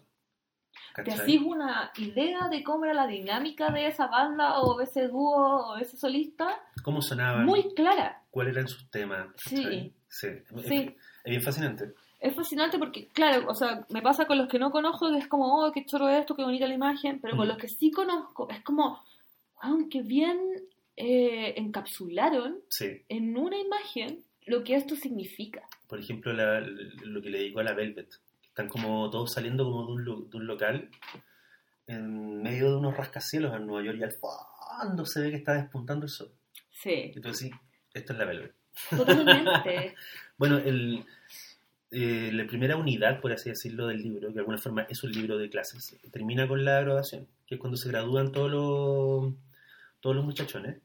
Sí, después viene una de mis páginas, mis páginas favoritas, que es como, ¿te acordáis cuando en las revistas antiguas, en las Novaro, como en las revistas de Pato Donald, de repente venía una página que decía, mm, aprenda a, hacer, a sacar músculos en 15 días? ¿ya? Esta es la historia de Pedro, que se convirtió en un, en un alfiñique y haciendo, y haciendo uso de mi curso de tensión dinámica, ahora es un Atlas. Char- Charles Atlas se llama el one que vendía esa mierda. Bueno, y la ilustración de Polanca es eso. Está hecho de esa forma y te cuenta la historia de cómo el weón era Claro, un niñito sí. gordito que todo el mundo miraba con desprecio y el weón termina haciendo ejercicio y se termina convirtiendo en una estrella pop, pero al mismo tiempo como una especie de predicador. ¿Cachai? Mm, sí. La de Roy Orbison me gusta mucho. El weón sale llorando en, en una carretera. Sale, está en una moto llorando y atrás se ve otra moto. Sí. Y dice, Claudette era la, la canción que Roy Orbison escribió para los Everlys, pero también era su esposa. Juntos eh, anduvieron en sus motocicletas en las carreteras todos los días, año tras año, hasta que un día Claudette chocó. Y después de eso, Roy anduvo solo. Claro, Along. Oh, oh, oh. es tan perfecto porque como que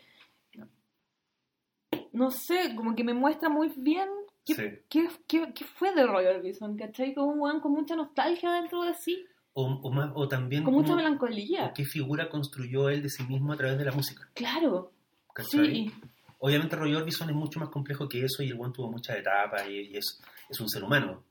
Pero lo que te dice el libro es como, nos- no nos interesa el ser humano, nos interesa el elemento mítico que le agregó a la mitología del país. sí, ¿Cachai? Que es como la aparición de Phil Sp- La primera aparición de Phil Spector es cuando el buen llega a, esta, mm, a este camerino de puros hombres que están todos medio piluchos, son todos musculosos y rubios. sí. Y el buen llega como súper achunchado, como un niñito chico, flaco. como el niño bullying, al niño que le van a hacer bullying. Claro, pero el buen se va antes de que le hagan bullying. Sí. Y, y el texto de abajo es increíblemente cruel. Dice como, y, y todos se, se sintieron secretamente aliviados Sí, de que el buen se hubiera ido. sí, Y después, el, varias páginas después, el buen reaparece y ahí ya es Phil Spector, ¿cachai? Está la convertido en un dios. resurrección de Baby Phil. Claro. Sí, el High School Dropout. Arribando a Nueva York, él durmió en oficinas, en suelos y mm, en banquetas y, y escritorios, hasta que finalmente le dejaron producir un, un disco. Ahí, en una, peque en, una, en una sola shot, en una sola grabada, no sé, em, One take. él pagó 20 años de acumulación de rabia. Claro. Inventó The Wall of Sound. Sí, Sí. La cosa, claro, es que Spector es, un- es una figura fundamental en la historia del rock como la entiende Con, porque es un que inventó no solo una forma de. no solo una forma de sonido, sino que inventó una manera de, de, de presentar a los artistas. claro. Y fue un modelo de productor que después fue ultra imita- imitado y todo. Bueno, Spector vivió muchos años más, se metió en un montón de líos, estaba chifladísimo. Sí, ¿cachai? Pero este buen trabajó con, o sea, y no solo inventó un millón de bandas, sino que trabajó con un montón de buenos muy bacanes que lo consideraban un dios. sí, pues, un ¿cachai? genio. Un genio. Leonard Sí. Cohen trabajó con él. Sí, The Leader of the Pack. Eso me encanta esa ilustración porque es una, mm, una canción muy cruel sobre un huevón que es como el chico de la moto ¿Ya? y que se saca la cresta en un camino, en una carrera, o arrancando de alguien, no me acuerdo. Y el huevón se mata y queda, y en el fondo es una canción como un, que, tiene, que es como crónica roja. Ya. Es solo un parte policial. Y te muestra y se escucha como la moto cuando se estrella y la mina que canta dice look out, look out, look out, pa. Y después te muestra, y la imagen de, de ellos es como una foto de crónica roja, como Sí. iluminada por los faros de un auto de los pacos. Está el buen ensangrentado en el suelo y está la mina abrazándolo. Es muy bonito. Es muy bonito. No es el único muerto que vamos a ver durante el libro. Sí. Ahora le dedican muchas páginas a los Beach Boys. Como Sí. encuentro- ahí hay un poco de. Casi sale, o sea, casi le dedican tantas páginas como a los Beatles. Creo que eso, eso probablemente debe ser un poco polémico. En la época, el 73. A Porque ver. los Beatles eran intocables, po, eran como los hueones que hicieron el Strawberry Fields Forever, los hueones que inventaron esa manera de rockear, ¿cachai? Escribieron un millón de canciones bonitas. Y los Beach Boys no sé si tenían el mismo perfil, no sé si lo- la gente que se interesó en leer este libro consideraba a los Beach Boys a la misma altura que los Beatles. Ujú. Pero al menos para la lógica del libro, del- de, lo que significa inventar mitos, para Con y para Peller, los Beach Boys son tan importantes como los Beatles, Sí. ¿cachai? Yo, mi favorita de los Beach Boys no parecen los Beach Boys. No, Aparecen puras niñas rubias en bikini y son las California Girls. Es que ¿sabéis quién las está mirando o quién está pensando en ellas? Brian Wilson, que está en la siguiente página, po. ¿cachai? Y que Juan dice, mientras sus hermanos trabajaban en distintas pegas, él que tenía problemas de salud, que estaba muy gordo, que tenía como una timidez patológica, se encerraba a escribir canciones sobre el verano y las chicas y el surf. Sí. Y la, y el- y la ilustración que le hace el weón es así...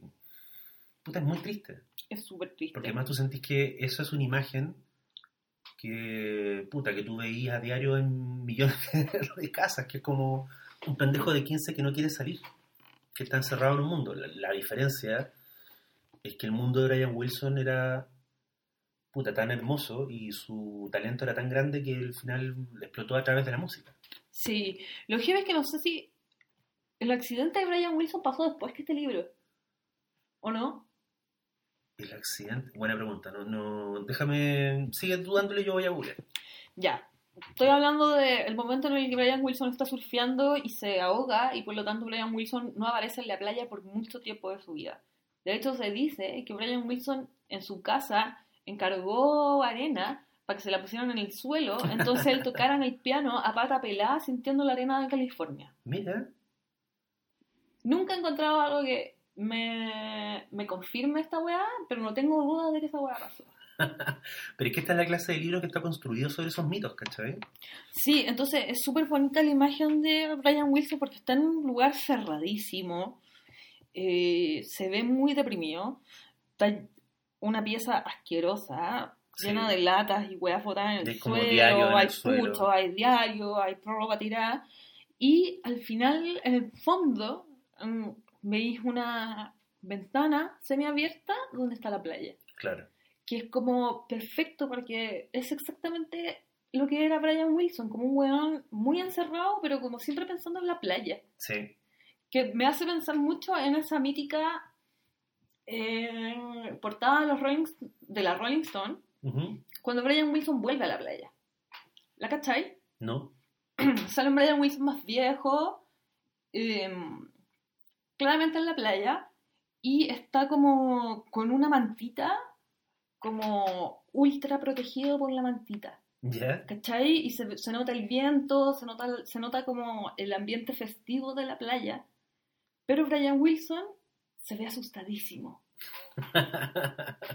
sí, mire, lo de la arena, eh, se- según Wikipedia, que estoy mirando acá, es cierto que el weón tenía, tocaba el piano con las patas sobre una caja de arena, pero no se menciona un accidente. Lo que sí se menciona es que él empezó a tener problemas psiquiátricos, como a fines de los 60, y se volvió cada vez más difícil convencerlo de que se fuera de gira con la banda.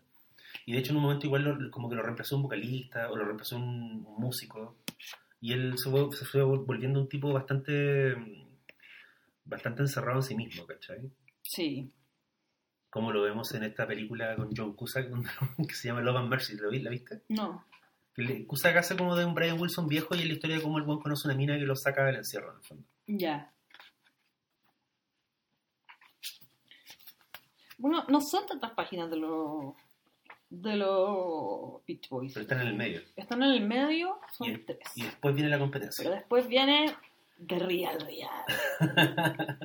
¿Te gustó más esta segunda parte del libro cuando ya empezaste a cachar a los hueones? Obvio que sí. Ya. Cuando ya entendía las, las alusiones, de qué estaban hablando. Por supuesto que Por ejemplo, sí. ese hueón es Brian Epstein. el- Ujú. con el que abre cuando la, la forma en que ell- ellos conciben cómo contarte la llegada de los Beatles al mundo de los sueños del rock eh, es que te ponen por partes la letra el coro de The Strawberry Fields Forever. Strawberry Fields Forever pero parte con Brian Epstein mirando a la cámara Ujú. así como pero así como completamente dueño de, de su dominio está como una especie de mansión Sí. Y tú dices como, ya, igual Con es un hueón muy pillo, porque se da cuenta de que eh, los Beatles fueron mitos, fueron personajes míticos, pero sobre todo el- el- en, en muchos aspectos la hueá esencial de los Beatles es que cambiaron el negocio. Y por lo tanto parten del negocio, parten del manager, Ujú. ¿cachai? Sí. Y todo el mito que uno sabe de los Beatles, como de que Hamburgo, como que después eh, vino la Beatlemanía, tienen que arrancar, hay que verlo en el contexto, hay que verlo bajo la mirada de este weón. Como que para mí lo que te dice con es que todas estas ilustraciones hermosas que vienen de los Beatles, las está mirando Brian Epstein. Está diciendo como yo hice esta weá. Totalmente. ¿Cachai? Sí.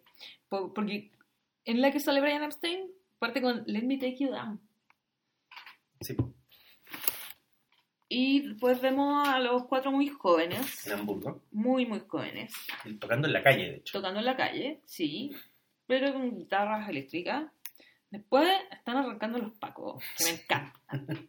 Sí, eso es como una toma de, de una película de El día de una noche agitada, ¿no? Ah, sí, Sí. Hard Day Night. Sí.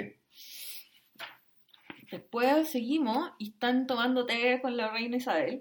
Después estar con... Después están cuando se fueron a la India y se pusieron místicos y están como todos estos colores muy Ganesh. Muy... Y después ya están en el cielo. Y cuando llegan a Strawberry Fields Forever, claro. están de blanco y están como saludando, como invitándote.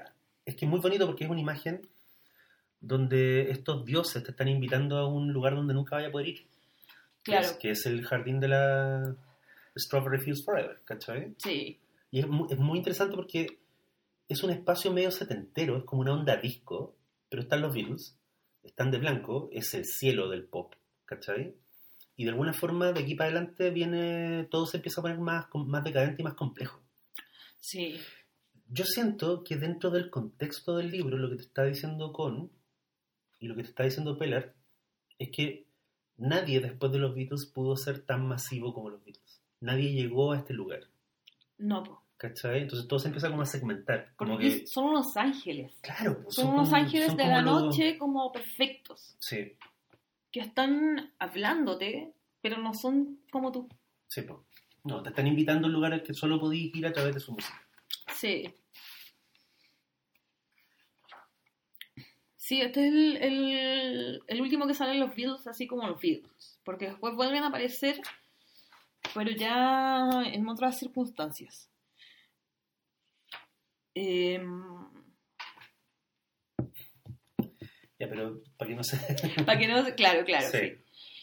Eh, puta, el de los Who también me gusta caleta, sobre Sí. todo por lo que está escrito abajo.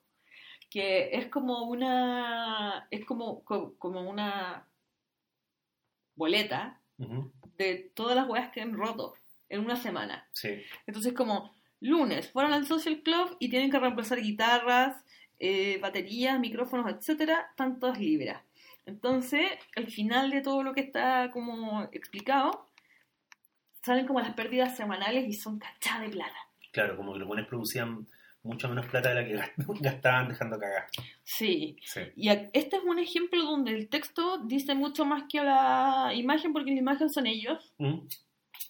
Y el texto me da todo lo que yo sé de los Who. ¿Cachai? Todo lo que yo recuerdo de los Who y todo lo que a mí me hace que los Who estén donde están. Claro. ¿Cachai? Porque, no sé, muy bacán. Y aquí está la imagen de la que yo te estaba hablando recién, de Londres, y los Beatles están ahí, y, pero también está, están los Rolling Stones, están los Who, Sí. y hay unas minas, entre las cuales la única que yo reconozco es Anita Pallenberg, la famosa. Eh, pero es ¿Por qué es famosa? ¿Por qué es famosa Anita Palmer? Sí, Porque anduvo con varios de los Rolling Stones al mismo tiempo. ya. Era como la groupie. Era, es que estuvo casada con Keith Richards, Ya. pero también se zarpó a otro. ya. ¿Cachai? Ya. Entonces ella es muy prominente en la biografía de Keith Richards. En la mitología de ellos también. Sí, Sí. en la mitología de ellos, porque de hecho cuando entramos a los Rolling Stones, una de las primeras, o sea, no, no es la primera, pero una de las imágenes que vemos es a Anita Pallenberg en primera, en primera, como, ¿cómo se dice? Primer plano, al lado de un espejo, y en el espejo se ven tres de los Rolling Stones, Claro. ya hechos bastante mierda. Sí. Lo, me gusta mucho cómo está, los Rolling Stones tienen casi tantas páginas como los Beatles. Sí, que obviamente son probablemente además eran los favoritos de- del, del escritor. Pero lo que Claro. me gusta de esa imagen de Londres es que lo que te cuenta en ese, en ese lugar, en ese espacio donde están los guanes, que es como muy lujoso, es que te dice el pop fundó una segunda rea- una realeza paralela en Inglaterra.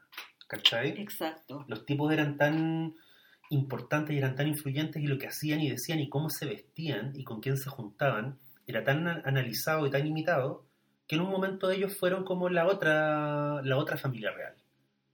¿Cachai? Sí. Qué lindo.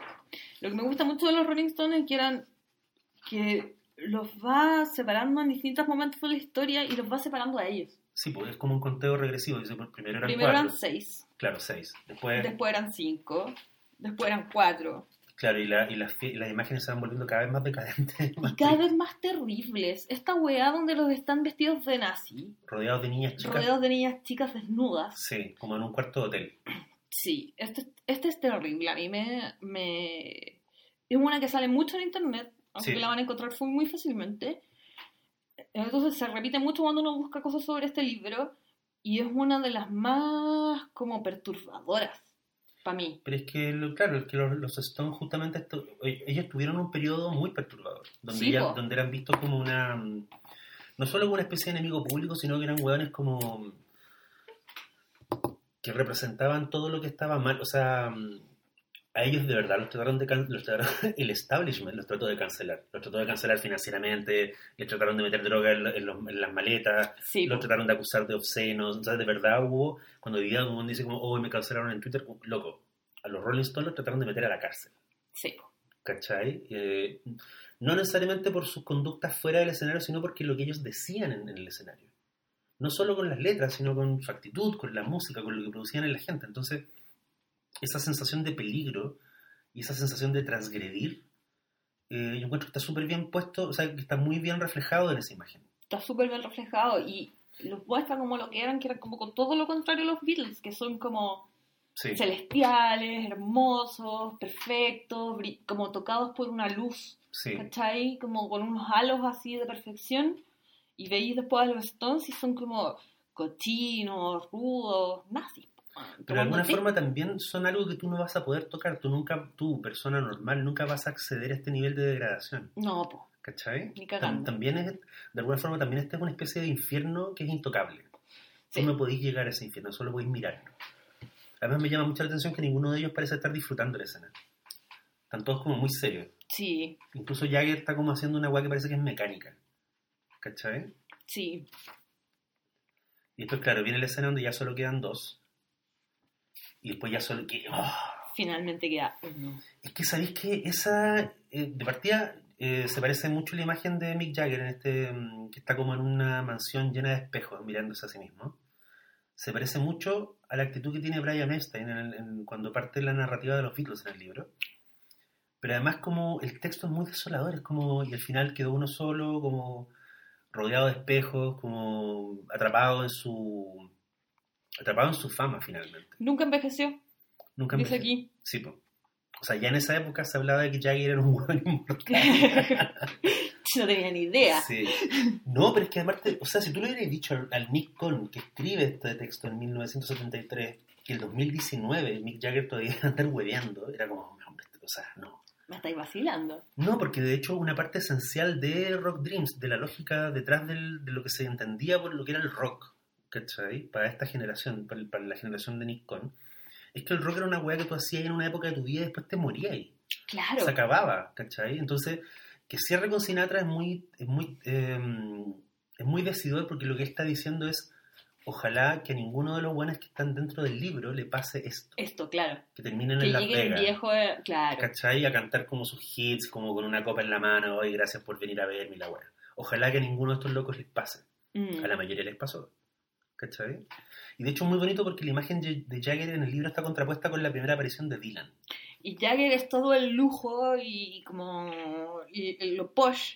Y llegamos a, a Bob Dylan que está en su época de juego, Claro, el güey literalmente está como a la, a la orilla de un río, como cagado de frío. comiendo trucha. Y tiene como una. La, la cara de Dylan, de hecho, es como muy. O sea, parece como una especie de. Parece un indio. A mí me, da la- a mí me dio la sensación de que eh, como que eh, Guy Pilar que lo dibujó, que dibuja su cara de manera muy perfecta, Mm, lo dibuja como un viejo, a pesar de que Hobo Bob era un man de 18 años. claro.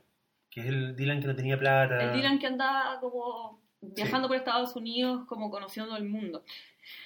Mm, y tiene un gatito, Sí. Que después, que después se repite. que aparece después. Sí, porque Bob Dylan también tiene varias páginas dedicadas a él. Después vemos a New York Bob, Claro, está que como está con Allen. Ginsberg. O sea, no, sí está con Allen Ginsberg. Está Joan Baez, Está que- Joan Baez también. Sí. Eh, y después tenemos Superstar Bob. Claro, que ese es una de mis imágenes favoritas del- de todo el libro, que, y mi- una de mis imágenes favoritas de Dylan, que es el weón como con un abrigo de piel gigante, con lentes oscuros, adentro de una limusina, La parte de atrás, claro. y va con el gatito en la mano y el gato te mira con cara de terror. Es como, weón, este weón ya no es humano, es otra weá. Mm, sí. Como estando en grandes hoteles y limusinas, él se sentaba juzgando o presentaba parábolas o vivía detrás del vidrio a prueba de balas. Claro. Como otro Bob. O sea, de alguna forma, claro, es la primera aparición en la... en- es rara esa weá porque los Beatles no son presentados así. Y en la, en la narrativa del libro, en el orden en que están las imágenes, es la primera aparición de la superestrella que es como distante, Sí. que es como inescrutable. Yo no sé qué está pensando este weón, yo no sé qué, qué opina del mundo, no sé quién es. ¿Cachai? Es como la idea de que es una especie de alien. Mm, Es, es- es- es bien, es bien curiosa la imagen. Pero también es súper eh, mm, en conjunto con lo que Bob Dylan hizo en ese momento de su historia. Sí. Que fue separarse de sus fans, que fue cantar las canciones de manera diferente para que los buenos no les cantaran las canciones en los conciertos. Claro. Que era un weón de verdad como que estaba solo. Sí, po. Era un weón como que pasa de, de, de New York Bob, que es un weón rodeado de gente, sentado como en una plaza, ¿cachai? Mirando el mundo. mirando el mundo, siendo un jovencillo, a un weón que está solo en una limusina siendo el genio que es y que nadie entiende. Claro, y es un weón que no está mirando nada. De hecho, está con lentes oscuros de noche dentro de un auto. Sí, Como no, puede, no, no está leyendo un libro, no está hablando con alguien, no está con una mina, está como solo, está acariciando un gatito. que está aterrado. Sí, sí, es heavy. Es, es que Guy Pilar dibuja tan bien que podéis adivinar la sensación del gato. Sí, Eso es muy bacán, muy bonito. Em, claro, después viene Country Wolf, el wolf que se va... que es la etapa en que el weón se va, a- creo que es de Big Pink, esa casa. Y se va como en el fondo a hacer vida familiar, pasa unos años como criando los hijos, ¿cachai? Como básicamente viviendo una vida normal que el weón no había vivido. Pues el loco Claro. salta a la fama como a los, o sea, a los, a los 19, 20 graba su primer disco. Y de ahí en adelante el weón como que no tiene mucha... No para. Hasta que él lo para, digamos. Dylan tuvo un accidente. de hecho. Sí, po. Como que ahí bajó un poco la revolución. Sí, Donovan es una figura muy rara porque la imagen es muy bonita, pero yo no sé cuánta gente se acuerda de Donovan. Claro, como que ¿Cachai? Donovan trascendió muy poco. O sea, bueno, es que tiene esta canción que es Atlantis y, y que la ocupan un montón en las películas y uno siempre dice, oh, ¿quién canta esta weá? Donovan, ¿quién chucha era Donovan? ¿Cachai? Es como esa... También están estas figuras que son los buenos como... Donovan no era un, un one hit wonder, el one tenía, hizo carrera, Sí, pero para millones de personas él es el one que canta Atlantis y se enteran cuando lo googlean, ¿cachai? claro. Esa fue su permanencia. De hecho, es, es tan así que la, la, la frase que sale abajo es de Full on the Hill, que es una canción que no es de él. Sí, pues, sí, tienes razón. Oye, sigamos para adelante. Sigamos para adelante. Eh, tenemos a Simon Garfunkel en, en- en el metro. ¿Cachai? Que ya nadie vuelve a ser como completamente popular. No, po, están todos como en, en otra clase de, de situaciones. ¿Cachai? Ya tenemos, aparecen de nuevo los Beach Boys, pero Pero- aparecen viejos, como arreglando un auto en la playa. Como perdidos. Como, claro, como ya o- no están en el rock and roll acá. No, no. No. De hecho, las personas empiezan a aparecer como en, como en entornos como, o naturales o familiares. Claro, sí. Pero ahí viene el soul. Claro, y viene el mundo negro. Es mi parte favorita. es mi parte favorita porque además, junto con el de Bob Dylan con el gatito, mi favorita es Aretha Franklin. Ah, que está como en la iglesia. Está No, no, no, perdón. Mi favorita es. ¿Cómo se llama? Oh, la estoy confundiendo. Diana Ross. filo, vamos a lle- a Diana Ross. Sí, Sí, en el auto. en el auto. Ese es mi favorito. Bueno, vemos a James Brown, Ray Charles, Sí. Sam Cooke. Pero, ¿cómo vemos a Sam Cooke? No lo vemos realmente. O sea, pero es que es muy bonito porque es la reconstrucción de la escena de lo que encontraron los pacos en el motel donde Sam Cooke apareció muerto. Sí, Y el buen está tirado boca abajo, no vemos su cabeza, no vemos sangre. eh, le vemos las piernas como el calzoncillo y está con calcetines, lo que me parece un gran toque. sí. Y los pacos miran la escena con, un- con una especie como entre curiosidad y un poquito de asco. Es muy heavy. Y es un cuarto, es un cuarto así de, De motel. de motel muy sencillo, un poquito kitsch. Y está el one ahí y ahí está tirado uno de los grandes cantantes de la historia del- de Estados Unidos, ¿cachai? Claro, por unos pacos que obviamente ni siquiera lo cachan. Que son todos blancos. Que son blancos, claro. Sí. Esta esta es otra imagen que encuentro así como demasiado bacán porque es como, no, no, sabemos la gloria de Sam Cooke, pero mm, no lo vemos en el- no está, él no está en ningún Ni momento de gloria. Es el final de su vida. Es el final de su vida. Claro. Sí, Ahora, me gusta mucho la imagen de James Brown porque es como una, una imagen bíblica, es como que él fuera Jesús con los niños. Él sí. está como en un, en vecindario pobre, rodeado de niños negros, y él está mirando como hacia el infinito, como yo vengo a, a decirles que hay esperanza, a que tienen dinero para que compren comida, es como esa la actitud. Es muy, que de hecho es todo lo contrario de Diana Ross. No, pero es que el texto de Diana Ross es una maravilla. Sí, es mi favorito por eso mismo. Porque David Otis Reading, Sí, Smokey Robinson, Aretha Franklin, preciosa, muy joven, como en la iglesia cantando. claro, como dirigiendo el coro, Sí. dando testimonio, de hecho sale con la mano sale con la mano hacia arriba. Y sale un Jesús negro Sí, acá. es muy bacán. Sí. Eso, es- eso es bacán, es mu- muy, Sale Tina Turner, primero Sí. como señora de familia, y Y después como- la cantante que nosotros sabemos que existe. Es bacán esto, yo no sabía esto de Tina Turner, de hecho. ¿Qué cosa? Que era como una señora, pues. Sí, po. Pero, que, pero es, que, también- es que eso es el mito, ¿no? tampoco es tan cierto que ella fue así. Ah, ¿cachai? ya. Eso era como también el mito que los buenos construían en, en, en la imagen pública. ¿cachai? Estamos hablando de una época donde no había Wikipedia, no había internet, entonces si un buen venía y te decía, y de hecho pasó muchas veces, eh, oye, yo fui muy pobre, me crié en las montañas y ahí aprendí a tocar el banjo, y resulta que el bueno era de Harvard. Era una weá que a veces tú te enterabas y años después.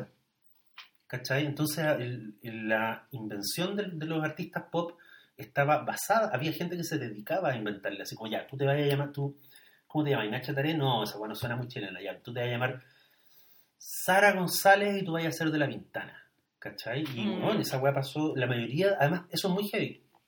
O sea, Bob Dylan se llamaba Robert Zimmerman, come on, Sí. ¿cachai? Creo que los Beatles son los únicos buenos que no se cambiaron. Bueno, Richard, Ringo Starr se llama Richard Stark, ¿no? No Sí. tengo idea. Bueno, pero los Beatles creo que fueron de las pocas bandas donde los locos tenían como Paul McCartney se llamaba Paul McCartney. Sí, Pero hay un montón de personajes que salen en el libro que no se llamaban así. claro. Tienen nombres artísticos, como, o como dice en una parte del mismo Nick Cohn, tenían alias al igual que la gente que está en la cárcel. ¿Cachai? Ajá. O la gente del mundo de Lampa. Ahí Sí. está, ahí tenéis la página de Stevie Wonder, que es muy bonita. Stevie Wonder, que además, puta, mi concierto favorito de la historia de mi vida. Entonces, cuando vi esta weá, como que me emocionó así. Muy bonito porque está, fu- está fuera del Apolo, en un show de, que, que dice The Temptations, Sí, que es la única um, alusión a The Temptations. sí. Y está Stevie Wonder afuera, como pidiendo plata. Mm. Y hay unos blancos como tirándole una limosna. Y el bueno está, pero no es una imagen triste. Para nada, porque Stevie Wonder está con sonrisa de Stevie Wonder. Con su sonrisa y con sus lentes de, de negro de Stevie Wonder. Pero además de la sensación, es que eso también aquí de nuevo veo el genio de Pelar. La imagen te transmite más que una sensación de mm, miseria, como de, ah, pobre, pobre Stevie Wonder, te transmite como una sensación de inicio. Esto, como, esto es lo que va a pasar. Es como Jesús en el templo, como Jesús niño con los viejos en el templo. Es como estás viendo la infancia de un huevón que años más tarde va a hacer reventar el Apolo. Claro. O que va a, to- a tocar en todo el mundo, que todo el mundo lo va a querer. lo- y ahora lo tenéis ahí y estos viejos no saben a quién le están dando una moneda. Ujú. ¿Cachai? Para mí eso transmite la imagen. Me gusta el texto que está abajo, lo voy a leer. Dice, se le da una mano al pequeño Stevie, con magia en sus dedos y ritmo en sus pies. Eh, a pesar de, de sus problemas, él iba, iba a ganarle a la mayoría de los niños de su edad.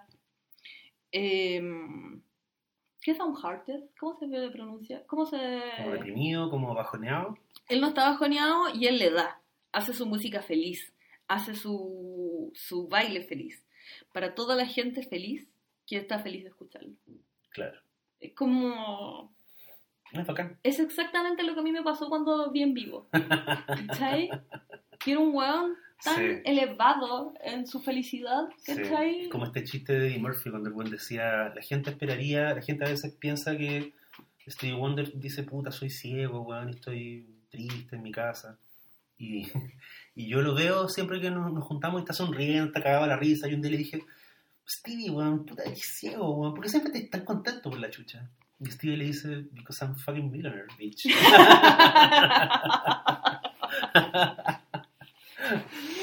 sí, weón. Bueno, ahí siguen las Supremes con todo el lujo que de que las es lo Supremes. opuesto de Stevie Wonder, claro. porque ellas ni siquiera están en la calle, están en un afiche gigante, y al lado alguien, como una, porque es una calle muy pobre, alguien como con spray escribió Soul. Sí. Sí. Yo encuentro que es un poquito un troleo a las Supremes, es como que en el fondo estas minas eran como la versión como la versión chicle y la versión plástica de esta wea. Sí, parecen, aparecen como unos Spice Girls. Sí. Bueno, probablemente fueron leídas de esa forma en la época. De más que sí, Sí. sí. Y lleguemos es la, a... me gusta mucho el, el del donde muestran a la mota. Sí, que es como Charms, como los, los gerentes del, del, del board. Y ahí están, y de hecho quien está arriba es Roberta Flack. Y al Sí. fondo está una foto de, está presidida la, la mesa de gerentes por un cuadro de Jimi Hendrix. Hendrix. Sí. Y ahí están todos los grosos maestros de la Motown. Isaac Hayes, Curtis Mainfield, Richie Haynes, Roberta Flack, Sylvester Stewart, Taj Mahal y Marvin Gaye. y la mesa es tan bacán que los buenos se reflejan en ella. Sí, así como, weón, somos tan grosos que tenemos una mesa, somos, habemos dos. estamos bacaneando. Claro, y es la idea, en el fondo, y es muy importante dentro de la narrativa del libro, porque es el momento en que los músicos negros dicen, nosotros vamos a administrar este talento y nosotros vamos a fundar un imperio como los blancos han fundado imperios basados en nuestra pega. Sí, ¿Cachai? Es como un fuck you a Elvis, de hecho. demasiado. Como que esta es otra imagen que demuestra como la inteligencia del libro, encuentro. Que- como que a quién se le va a ocurrir como poner a Marvin Gaye como con un terno, Sí, po. sentado en un directorio, Sí. ¿cachai? Como... Pero sin embargo es exactamente eso que tú acabas de decir. Igual encuentro que los buenos se van volviendo, en términos de conceptuales, se van volviendo más locos a medida que avanza el libro. Sí, O sea, cuando te muestran a Jimi Hendrix como un astronauta de Marte, ya, dijiste ya, ya, ya, para, para, tranqui, tranqui. sí, ¿Cachai?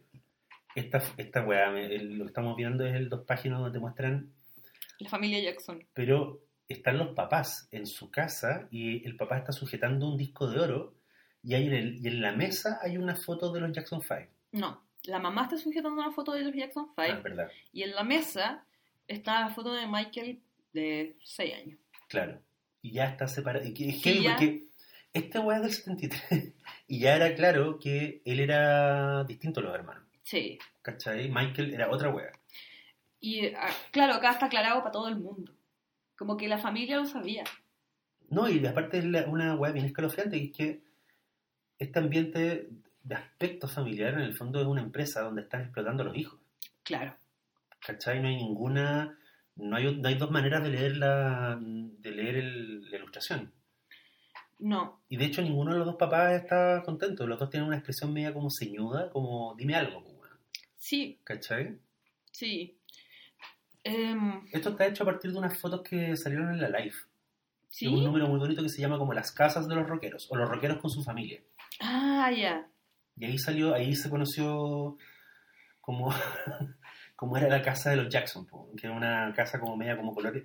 La casa es muy poco Jackson, por lo que uno después concibe como cuál sería la estética de los Jackson 5, no tiene nada que ver con eso, es como una casa de familia, como tonos pastel, es como el, es como el living de los Simpsons un poco, Sí. si te fijáis, si le sacáis los discos de oro, un poquito son los Simpsons. No, es muy living súper normal.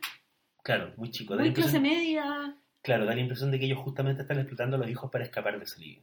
Exactamente. Sí. Sí. Sí, y es que esta, esta imagen a mí me... Como que la, la primera vez que tú me mostraste este libro, que fue hace hartos años ya, yo me acuerdo que esta, we- esta imagen fue la que más me dejó mal. Porque hijo, eh, como nosotros ahora en retrospectiva lo sabemos, porque ya vimos a, a Michael salir de los Jackson 5, Sí, pero acá está dicho como desde que, como que aquí está el destino de Michael Jackson y la tragedia. de y la tragedia de Michael Jackson. Sí, y la tragedia que le, le infligió a otros también. de Claro. forma. Porque no nos olvidemos, es una imagen sobre abuso infantil, ¿cachai? O sea, Sí. estos niños los, estaban, los papás los, los, los- los- los- los reventaban trabajando para que ellos hicieran esta banda de la que... A mí, qué heavy que el viejo vivió más que Michael Jackson, weón.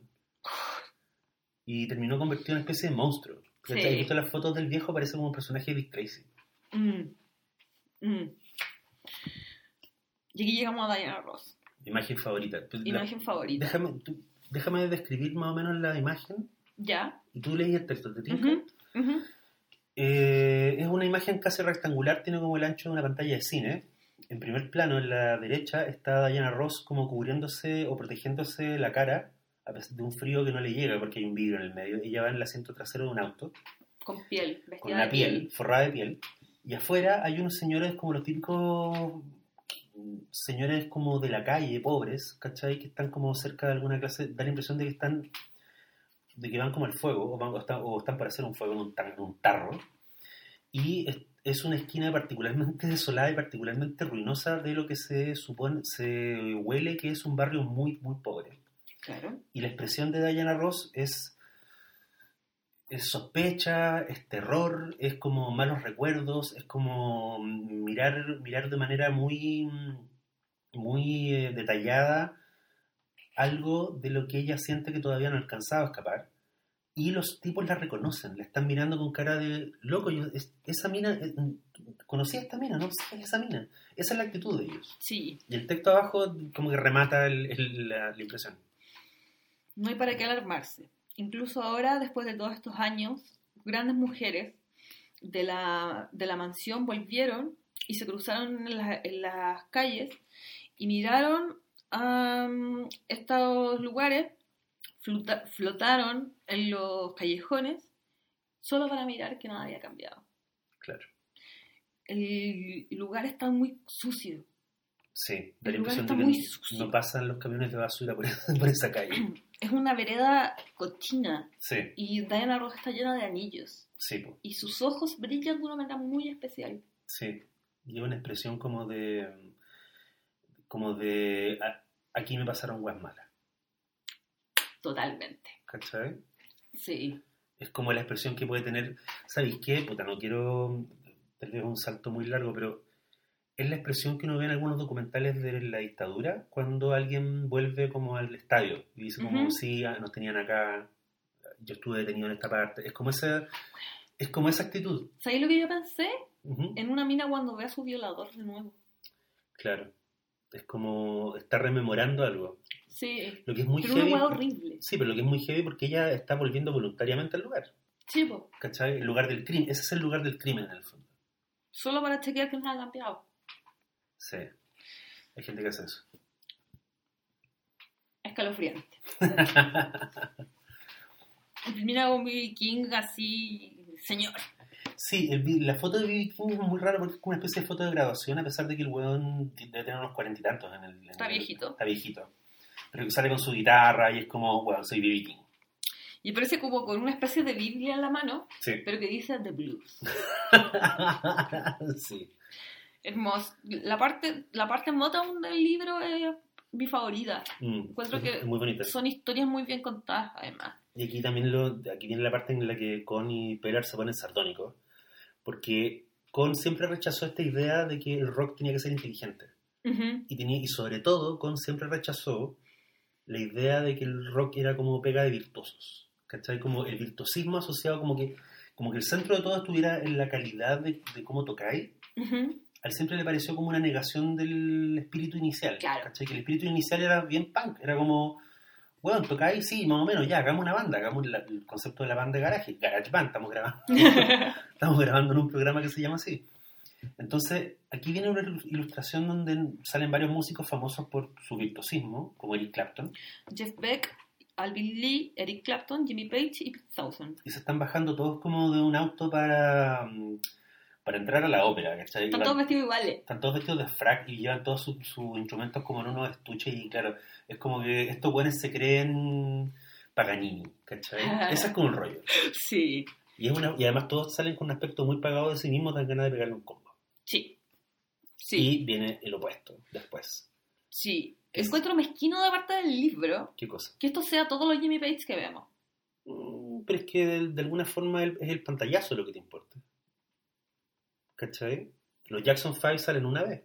Sí, pero Robert Plant, ah, o Stevie Wonder sale una vez también. ¿cachai? A mí, como que yo sentí que cuando, cuando vi esto, yo dije, ah, viene una con el torso de, como de Robert Ah, claro. Esos rulos perfectos que de verdad hay una wea mágica en, lo- en los Led Zeppelin jóvenes, Sí, eran una... Es raro, yo, los Led Zeppelin, no sé, cuando vinieron, cuando vino Page y Plant a Chile, Ah, me una vez. y mm, la primera vez, en los 90, y no sé, tocaron en alguna parte, pero igual había mucha gente, y me acuerdo que yo me preguntaba de dónde salía esa gente. Como, yo nunca conocí, yo- como mm, hace muy poco me he encontrado con fans de Led Zeppelin.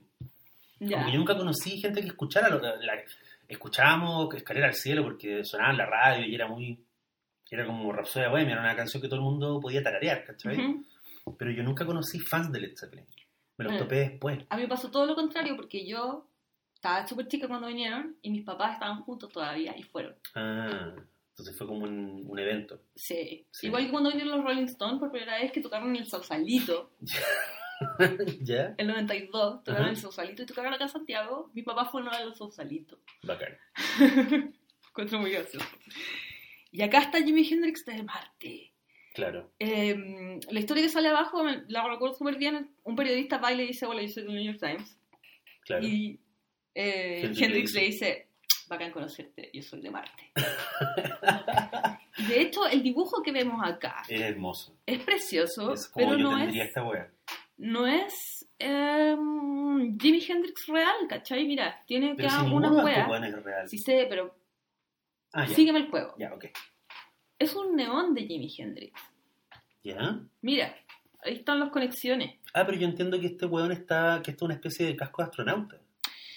No, para mí, para mí esto es una... Es como una figura como como con Bob. Como, como el neón de eh, hoy, ¿por qué no? Como la botella. Ah, ya, ya. Sí, Ahí te entendí. Ya. sí, eh, es porque aparece con un halo alrededor y hay unas conexiones a una, Sí. a una pared. Bañado como una especie de luz verde, así, muy Claro, entonces, extrahumana. para es neón. y te da la impresión de que el weón es enorme. Sí, te da la sensación de que el buen es más grande que cualquier otra cosa. Está como entre los edificios. Sí. Sí. Sí. Es una gran imagen. Es una gran imagen. Hoy me dieron ganas de escuchar Jimi Hendrix. Sigamos. Aquí está lo de Alice Cooper, que lo encuentro genio. Sí, lo encuentro genio. resumieron muy bien. Pero, deja, disculpa, es que hay una hueá muy rara porque hay cosas, hay hueás que no se pueden hacer hoy día. Y esta imagen que sugiere que el, que el, el líder de Yetro Tal, lo, ¿cómo lo retratan? Lo retratan como una especie de depravado que está como envuelto en un abrigo en, un, eh, en una placita inglesa Claro. y hay una niñita como muy inocente, muy chica, a la que el buen está tratando de atraer con un dulce. Sí. es bien terrible. Sí, igual es como el pico, como que esa sea la imagen que, que el libro pone de tu, de tu, o sea, de tu imagen, de tu leyenda y de tu banda también. Sí. Hoy día esa no se puede hacer. Yo no cacho yo total, pero no lo conozco lo suficiente como para saber qué tan como apegado a la historia de Jethro Tull está esto. ¿cachai? Yo creo que Pelar, no, no, hasta donde entiendo no hay ninguna acusación de pedofilia involucrada en la historia de la banda, sino que yo creo que llegaron a eso por la flauta. Es como la figura de Hamelin, ¿cachai? Mm, Que está sí, aludida abajo, que, sí. que dice, y, y al final con la flauta eh, atrajeron a multitud de niñas que, la siguieron, que los siguieron, ¿cachai? Ujú. Sí, es verdad.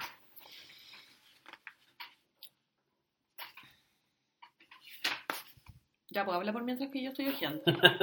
Pero sí se supone que viste el libro. No, sí sé que lo vi, pero estoy viendo el orden. Sí. Bueno, y Eh, está, hay un momento en que aparece Jim Morrison. eh, es raro, no le dan tanta importancia a Morrison.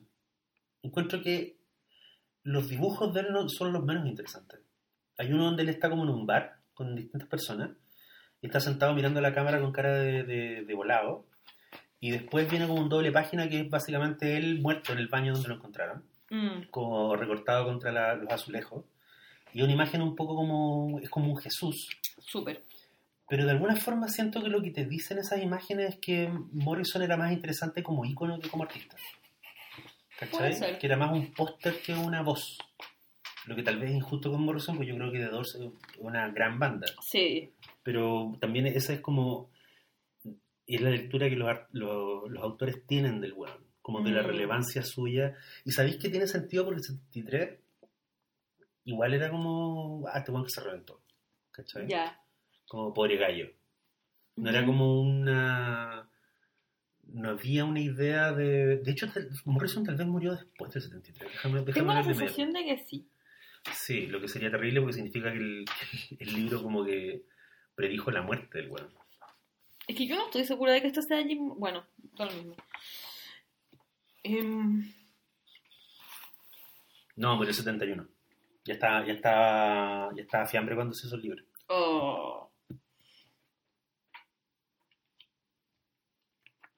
Lo que sí me, lo que sí rescato de la imagen que sale Jim Morrison es que a mí me pareció que había un halo en él, que no Ujú. está, no está en el dibujo. No.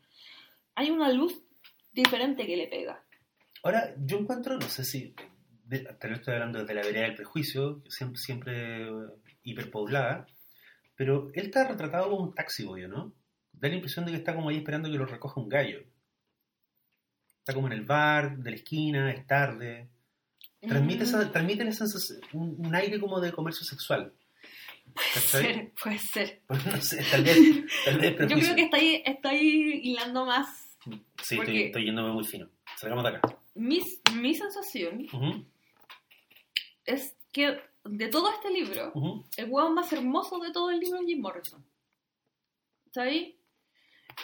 Y siendo que los dos no fueron tan importantes para los hueones del libro, Sí, eh, esa belleza irrefutable de Jim Morrison está aquí y como que no inamovible, ¿cachai? sí. Entonces, quizás parece, parece un taxi boy, quizás parece, pero no, para mí es como una weá altamente sexual, ¿cachai? Como que no hay otro weón a, a quien Pilar le haya dibujado tan bien los músculos, las venas de los brazos, Sí, ¿cachai? El culo, como sí. enfundado en un cuero así muy apretado. que parece que es como que tiene ropa pero no tiene ropa. Claro, es muy raro el Claro, efecto. porque pectorales perfectos, como un weón perfecto. No de hecho, me acabo de dar cuenta no hay ninguna mujer dibujada así en el libro. No, Con todas las cosas que se podían haber hecho, sí, dada la época, Pilar no sexualiza a las mujeres. no. Sí sexualiza a un par de hombres. O sea, Sí. sale Elvis con la... en esta imagen que también es muy impresionante, que sale Elvis como de rodillas frente a una niñita Sí. con un traje de baño y tiene la pichuna marcada. Tiene el paquete marcadísimo. Como, bueno, Sí. Elvis estaba... Elvis tenía alto calibre, según, según la imagen. Claro. No, a mí me pasa eso con Jim Morrison, que es como eh, dueño de una... Es que, ¿cómo lo digo? que- ¿Cómo explico que hay una belleza más allá de lo físico en Jim Morrison? Como una belleza que, que- que es como su halo. que era joven, pues se murió a los 27, o sea, es la belleza de la juventud. Si los jóvenes tienen, hay una agua perturbadora en la belleza juvenil, que es perturbadora más allá de lo sexual y que tiene que ver con la sensación de que los buenos son como nuevos, ¿cachai? Sí. Y eso, a medida que uno se hace viejo, te empezás a dar cuenta del, del impacto que produce la, la- la- la juventud bella Mm, en el mundo, ¿cachai? Mm. Y por eso también se ha vuelto un objeto de consumo y es como la manera en que nos venden bebidas, ¿cachai? Fitness, eh, todo, pues, ¿cachai? Sí. Sí. No, pero para mí es muy heavy como lo perfecto que se ve. Sí, A pesar de que aparece como semi-intrascendente, casi. Porque está como en un bar, sí. con más gente. Como que no hay mucho sobre el mito de los Doors. No. También este uno de mis cuadros favoritos, Franz Zappa con sus músicos, pero es que están retratados como si Maestro. fueran los Hell Angels. Sí, Y aparte van hacia el Valle de la Muerte, decir, Es como van en una moto, da la sensación de que además están, es imposible los juntos que están, porque van en motos, pero están todas las cabezas pegadas, están todos hechos bolsa. Franz Zappa está como en ácido o en jale, y los buenos van manejando una velocidad que se intuye enorme. Y dice como, ahí van los Hell Angels rumbo al Valle de la Muerte, ¿cachai? sí. Y es como, y tú decís, bueno, aquí es uno de los tantos momentos donde Pellar y Con le pegan el palo a la banda. Es como, Mm, esto eran, esto, esto, esto era Franz Zappa, sí, ¿cachai? totalmente. Total, totalmente. Janis y después Joplin. Janis Joplin, Sí, es súper triste la imagen de Janis Joplin. sí. Es como una pieza vacía donde ella está tirada en una cama. Y se ve tan pequeña en la enormidad de Sí. la habitación. Es como todo lo contrario a lo que estaba describiendo recién de Brian Wilson, que como que está él en este, en este lugar muy pequeño, como prominentemente él. Sí, Acá es un lugar gigante y no está prominentemente ella. claro. Janis Joplin es como, dar- en el contexto del cuadro, dar impre- ella es como un zapato que alguien dejó abandonado en una pieza. Sí, En cambio, en la ilustración de Brian Wilson, él está muy triste y está muy solo, pero su mundo llena la pieza. sí, ¿Cachai? Incluso la ventana que da a la playa, que él no puede tocar, es su mundo también. sí. ¿Cachai? Es como, esa pieza está saturada de Brian Wilson. En cambio, en la imagen de Janis Joplin es como, no hay Janis Joplin. Es, no es está... como un fantasma de Janis Es Joplin. como la carcasa, es como que dejaron ahí como, así como, mira, este es el sostén de Janis Joplin. Sí, Después viene el country, que también es muy bonito. Viene esa imagen terrible de Jerry Lee Lewis, borracho, gordo, hecho bolsa, curado con una botella. Y abajo viene esa frase terrible que dice, lo que hizo famoso Milwaukee me hizo un perdedor. sí, Johnny Cash en la cárcel. sí. Una expresión muy Johnny Cash. Y Sí. sale el final. No es el final todavía, faltan, pero es el... Ah, claro, bien, es la sección final, sí. Sí. Em, los sueños del rock eh, fueron como, como que le ayudaron en la insolación, visiones privadas y obsesiones personales. Y entramos como a un lugar donde ya como que es la decadencia del rock, pues como que está... Son figuras genéricas, tú podrías decir como esa Jim Morrison, esa Janis Joplin, pero en el fondo es la, es la entrada como a una especie de... como un Cirque du Soleil. como un freak show. Claro, como un show de... que también tiene que ver con... Yo encuentro que Pellar de alguna forma se remite al, al mundo de las figuras de cera, como en los museos de cera, Sí, ¿cachai? Y, acá, y, y las figuras se van volviendo cada vez más estáticas a medida que el libro avanza. sí. Aquí está el que nombraste, la Velvet. Viene James Taylor que, con esa imagen famosa donde el buen dice, hey, es, esa es mi can- soy yo en el, en el jukebox. Esa canción que suena soy, soy yo, pero cuenta como solo en un café de mierda. Mm. Crosby, Stills, Nash Young, Claro. como muy gringo. Sí, no, ellos están mirando a una chica que les acaba de hacer dedo. Sí, Sí. qué guay más gringa. Ellos lo están mirando desde el auto. Sí, pero si te fijáis, ellos no la miran ni con simpatía ni con deseo, más bien la, No. miran, la miran con una especie como de... Curiosidad. Sí, es como una, incluso un poco de miedo. Sí. Mm. Sale de Who de nuevo, sale de Vans, Sí, vestidos como soldados de la guerra civil. ¿cierto? Y terminamos con Lou y David Bowie. Claro, y están como... No, no terminamos. Ah, Viene- perdón. Viene Rod Stewart y Viene Rod Stewart y Mark Boland. T-Rex, Claro. conocido como T-Rex. T-Rex también siento que este está dibujado con poco amor. Mira, compáralo con, con Jim Morrison, que se, se parecen. Claro, es que Boland está hecho como una imagen, como una especie de santo. Sí, Está pintado como si fuera una figura que tú podías encontrar en, en- en el, una estampita. un fresco, claro, una estampita, una estampita de un, de un santo eh, que está desnudo, al menos en, la, en lo que se ve en la imagen. Y bueno, Jesús también está desnudo. en la cruz. Y me gusta mucho la imagen de Rod Stewart. A mí me da es mucha como risa. un hueón como una especie de curadito que está como agarrado muy fuerte por dos pacos ingleses. Y es como, loco, este hueón era, era un hueón que Un tiro rompía... al aire. Claro, en el fondo del texto dice como está la clase de hueón que vomitaba en la alfombra en la fiesta. Mm. Es como, puta, este hueón, ¿cachai? Y me gusta porque, aunque Stewart no, tiene ese- no tuvo ese perfil después, sí tenía ese perfil en los 70. Ya. ¿Cachai? Era como el buen patotero, medio como, medio como ahueonado, hacía esas cosas. Mm. Tiene, un- tiene una historia, o sea, hoy día, como que las estrellas pop que dejan cagar, dejan cagar de otra clase, ¿cachai? Como que tienen, se ponen a tuitear weás, pero en esa época, buenos como Rod Stewart, como que no sé, pues rompían las piezas de los hoteles, ¿cachai? Sí. ¿Qué impresión general te dejó el libro? ¿Qué es lo que te. Espera, Dale. no hablamos de la portada. Claro, que es. En la portada está Dylan, está Mick Jagger como diciéndole un secreto, Sí, y está John Lennon con Elvis Presley. ya. Están como en una especie de, como de fuente de soda, como tomando tecito. Claro, milkshake. Sí, no, mira. ¿Y qué rollo le sacáis a eso? Y, em, el libro se llama Rock Dreams, ¿cachai? Entonces como que eh, está súper bien que esto sea una portada porque obvio que esta weá no pasó nunca, Ujú. ¿cachai? No creo que Mick Jagger haya conocido a Elvis Presley. Mm, hasta donde sé, no.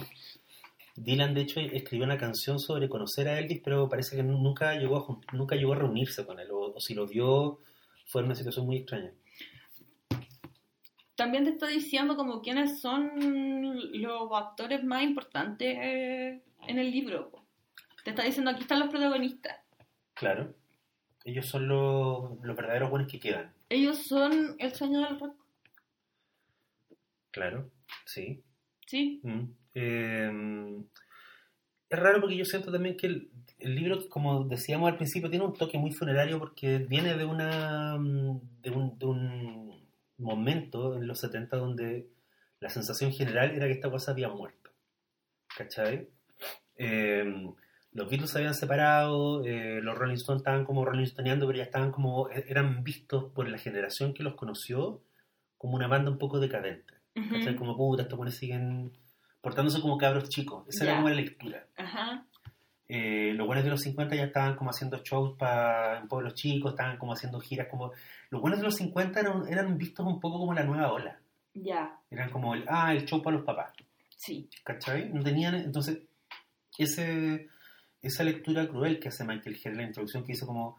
eh, cuando salió el libro había una generación de treintones que querían insistir en, en, en el rock y la weá, ¿cachai? Tiene que ver con una obsesión que hoy día tiene, se ve muy rara, que es la debatir como hasta qué edad podías consumir esta música. Ya, ¿En qué momento, los de- la- en qué momento te, li- te vendías tus discos y te convertías como en un adulto? sí. ¿Cachai? Y hoy día es súper raro porque como la cultura popular está tan infantilizada, la sensación es que ojalá que tú veáis películas de Iron Man hasta que tengáis 60 años. ¿Cachai? Sí, Y ojalá que consumáis Kanye West, puta, hasta que tengáis, hasta que Kanye West se muera. claro. ¿Cachai? Es muy raro porque no se puede, es difícil concebir la tristeza, o sea, cuáles eran los motivos de la pena que tenían los autores de este libro respecto como a la muerte de este arte que ellos veían que estaba agónico. Y puta, el rock no murió, po. o sea, se convirtió en otra cosa que les puede gustar o no a los autores del libro, pero el género se reconvirtió. Y hubieron tres generaciones de buenas que siguen. Uno podría decir que Arcade Fire es una banda de rock. ¿Cachai? De alguna Sí. forma la, la weá no muere, no, no, no, no tiene... Es que, claro, da la sensación de que estos weones vivieron una fantasía donde el rock era el centro de la cultura. Sí, Y alcanzan a retratar el momento en que ya no lo es. ya no lo es. Pero es súper interesante porque el libro sale el 73, lo que significa que no alcanza a enlazarse con el punk. No, po, ¿Cachai? no. Ellos no alcanzaron a ver como esta wea nueva, que probablemente detestaron, o no sé, pero... Vieron a The Who y nada más. Sí, pero me refiero, ellos no se alcanzaron a topar como con esta especie de, re- de recambio Claro. del, del, del- del sonido. Y la, la otra cosa, la última cosa que tenía por, por, eh, por decir, respecto al, respecto al libro, déjame buscar mi... Ah, hay una, hay una frase muy bonita que dice Michael Herr a propósito de otra idea. Eh, bueno, dice varias, varias cosas. Una dice, Guy Pellard es un pintor de íconos en un mundo que usa los íconos como pisapapeles. Mm. ¿Cachai? Lo que tiene sentido porque la- en la- en los años 70 apareció por primera vez como esta idea del kitsch asociado a la memorabilia del rock. Ya. Y empezaron a aparecer como estas figuras de porcelanas de Elvis, como en la cultura. como- Ahora hay unos monos que son estos monos como cabezones, ¿has cachado, no? Y los pop no sé qué. Sí, los pop algo. Como que esa lógica, los, no, no, no los pop son de ahora, pero en e- esa lógica apareció en los 70. Entonces, esa cosa como de que tú tenías como unos Beatles que se les movían las cabezas, o que tenías como un Elvis que, Que parte con Elvis. que se prendía con una lámpara, ¿cachai? Sí. Entonces, eh, Herr se está refiriendo a esa idea, a esa idea de que en el fondo lo que está haciendo Peller de alguna forma es tratar de recuperar la sensación sagrada que tuvo la iconografía cuando apareció. Ahora que ya, en los, digamos, en, en- en la hora de los 70, cuando ya la agua está convertida como en, como que hay loncheras con los Beatles, hay loncheras con los Who, ¿cachai? Y esa weá, estos weones tiene que haber parecido profundamente mm, triste, ¿cachai? Como algo que en algún momento fue perseguido y que le echaban los pacos, que los trataban, trataban de evitar que los buenos tocaran en la ciudad donde llegaban, y ahora es como que tu hijo anda con una camiseta de los Rolling Stones Sí, pues. como y es algo que a ellos les parecía muy a nosotros ya, nosotros ya vivimos en ese mundo entonces no nos toca no entendemos el, el, el conflicto que Pero es que también sabemos la historia, ya lo hemos visto pasar con más cosas. Es verdad de hecho también por ejemplo Herr dice aquí en este libro hay anunciaciones nacimientos y pietas pero no hay resurrecciones en el show business el regreso a las pistas es lo más parecido a resucitar y este libro no es una obra sentimental Mm. a lo largo no, porque es un libro bastante, bastante duro. Y otra- la frase que me llamó la atención dice, hace un cuarto de siglo atrás, está hablando del inicio, cuando el rock era mi- era al mismo tiempo una sociedad secreta y un peligro público. Y a mí ese concepto como de sociedad secreta y peligro público me lleva a pensar que, claro, para gente como Nick Cohn y como Guy Peller, que era belga y Nick Cohn era inglés, de alguna forma el rock sí les parecía un fenómeno y un sonido que eran nacionales, eran de Estados, el rock era gringo, era Ajá. estadounidense. Por supuesto hubieron bandas inglesas y después hubo rock en todo el mundo, y, de- digamos en Chile hubieron bandas de rock y siguen habiendo, pero para ellos en el fondo el rock lo leyeron desde el inicio como un fenómeno local y un arte nacional, como podría ser por ejemplo el tango, Ajá. la murga, ¿cachai? El canto a lo divino, que son fenómenos que pertenecen a una sociedad y una época. Y como concebido de esa forma el rock tenía que acabarse, ¿cachai? Porque era como fue, bueno, fue la música que hicieron estos weones en los años 50 y los 60 después como que viene otra weá. Bien otra weá. Y ellos de hecho alcanzaron a, a tocar como la primera la primera punta del, eh, del- de la onda disco. La aluden en algunas imágenes. Y de hecho yo creo que el gran misterio de lo que Rock Dreams no toca es, o da por, o- da por descontado, es por qué algo que era tan exclusivamente gringo se convirtió como en una música que definió al- a todo el mundo. Mm. ¿cachai? Hubo un momento en los, en los 60 en que se pensó legítimamente que el rock iba a ser la música del siglo XX. Ya. Que era como, bueno, cuando miremos para atrás vamos a recordar el siglo XX por, no sé, los Beatles, Elvis, ¿cachai? Yo no sé si esa weá está así hoy día. Han cambiado tanto las cosas que, puta, capaz que en 20 años venga un y diga como, loco, la música del, del siglo XX fue el hip hop, ¿cachai? El rock era un resabio de una weá mucho más antigua que era la música de los esclavos, bla, bla, bla. No, todavía igual estamos cerca. Eso también me, me pasa mirando el libro, digo, no estamos tan lejos de, este- de, de- de los 70. ¿Cachai? Los Ujú. fenómenos culturales igual son largos. Sí. Entonces yo digo, bueno, capaz que en 20 años alguien le caiga la teja y diga como, loco, el rap era la- fue de verdad la música del siglo XX. Es que, claro, o sea, yo, ¿Cachai? yo estaba comentando esto mismo con amigos y hablaba que ¿qué es el rock ahora? ¿Qué es el rock ahora? Claro, Pablito, que le mando un saludo, Pablito Ruiz, ya. me dijo, ya, ¿qué banda de rock nueva te gusta? Y yo le dije, bueno, no sé, lo más nuevo que me gusta son los Arctic Monkeys. Y me dijo, ¿de qué año son los Arctic Monkeys? Bueno, del 2004. Pero es que también, es que, ojo, ¿qué edad, qué edad tienes tú? 33. Ya, o sea, también está ahí en una edad en la que cronológicamente ya te estáis moviendo de esos gustos. Pero ya estoy entera, pero estoy enterada de lo que están escuchando los jóvenes. O sea, yo te escucho el Bad Bunny, ¿cachai? Ya, pero igual me refiero a que no es natural en tu generación que estés pendiente de esas cosas. No estoy diciendo que esté mal, estoy- o sea, no, te- no digo como deberías estar como escuchando la concierto. No, te estoy diciendo que lo natural es que uno se aleje de las weas que son nuevas, porque te- uno deja de ser nuevo, uno envejece, ¿cachai? Ya todo bien con esa idea, pero no es lo que estoy intentando decirte. Ya, entonces te entendí mal. ¿Qué es lo que me estás intentando decir? Con los ojos abiertos a lo que está pasando ahora, ¿dónde está el rock? Puta, probablemente en las bandas de estadio. po. Arcade Fire, no sé, YouTube, que es viejo, ¿cachai? Eh, no sé, con todos estos que vienen a Lula Palusa que uno, que uno no los conoce, ni siquiera sabe qué música hacen. Pero uno ve la foto y dice como, bueno, es un bajo, dos guitarras y una, y un- y una batería, No. ¿cachai? Los últimos Lollapalooza han sido Red Hot Chili Peppers, Foo Fighters. Bueno, Arcade Fire, que Arcade Fire su primer disco es del 2005. Sí, pues. ¿Cachai? O sea, estamos hablando de weas que ya tienen 15, 20 años. Claro, si lo pensáis, la distancia entre ellos, que están haciendo el libro el 73, es más o menos la misma distancia que hay entre el 73 y el 58. Claro. ¿Cachai? O sea, weón, es una distancia sideral para efectos de cultura popular en Estados Unidos. Sí, po. Sí. Sí, pero las cosas que las cosas que el rock solía encarnar, las cosas que el rock era, las cosas que nosotros vemos dibujadas en este libro, Sí. ya no las hace el rock. No, pues son arqueología. Sí. Como si ahora apareciera un Nico intentando hacer un libro como este, sería del hip hop o Sí. sería del reggaetón. Seguramente. Y sería un libro muy raro. Probablemente sería más bien una especie de documental. Como que ahora todo tiene que moverse. No sé, no sé si la gente querría comprar un libro de ilustraciones. ¿Cachai? Mm, Igual me parece tan único el libro. Después se hicieron un montón de copias o de mm, intentos de acercarse a esta lógica. no, y ellos mismos hicieron libros de otras cosas. Sí, pues. Y volvieron a trabajar juntos Sí. en el 99. Sí. En un libro que tiene una imagen. Hay una imagen de Pellar que no sé si es de ese libro, pero es bacán. Que es, tú cachai que Elvis en algún momento, no sé si fue informante del FBI o se ofreció a trabajar como informante del FBI, porque Elvis, por alguna, a medida que se hizo viejo, se fue volviendo muy facho. Entonces, la, Pero eso siempre. la imagen es que Elvis está entrando, está destrozando la puerta del, de un dormitorio de un universitario ¿Ya? con pistola y placa en mano y con cara de drogado él, porque Elvis viejo estaba drogadísimo siempre. Y está como rompiendo la puerta así como ¡Policía! Y adentro hay un weón que está saltando en el aire de la impresión y que está soltando el pito y es Bill Clinton, joven.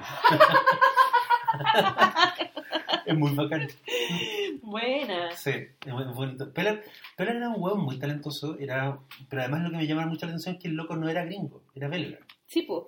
Y hizo toda esta carrera increíble, este libro lo consagró y se volvió como una weá, le consiguió un montón de pegas, el weón eh, hizo afiches de películas, hizo portadas de discos y el weón se demoraba mucho. Trabajaba muy lento, luego, Ya. a veces se demoraba un año en hacer una ilustración. ¿Cachai? Y ahora, bueno, el weón está muerto y su familia está como, lleva harto tiempo tratando de armar como una fundación y de armar un museo. Ya.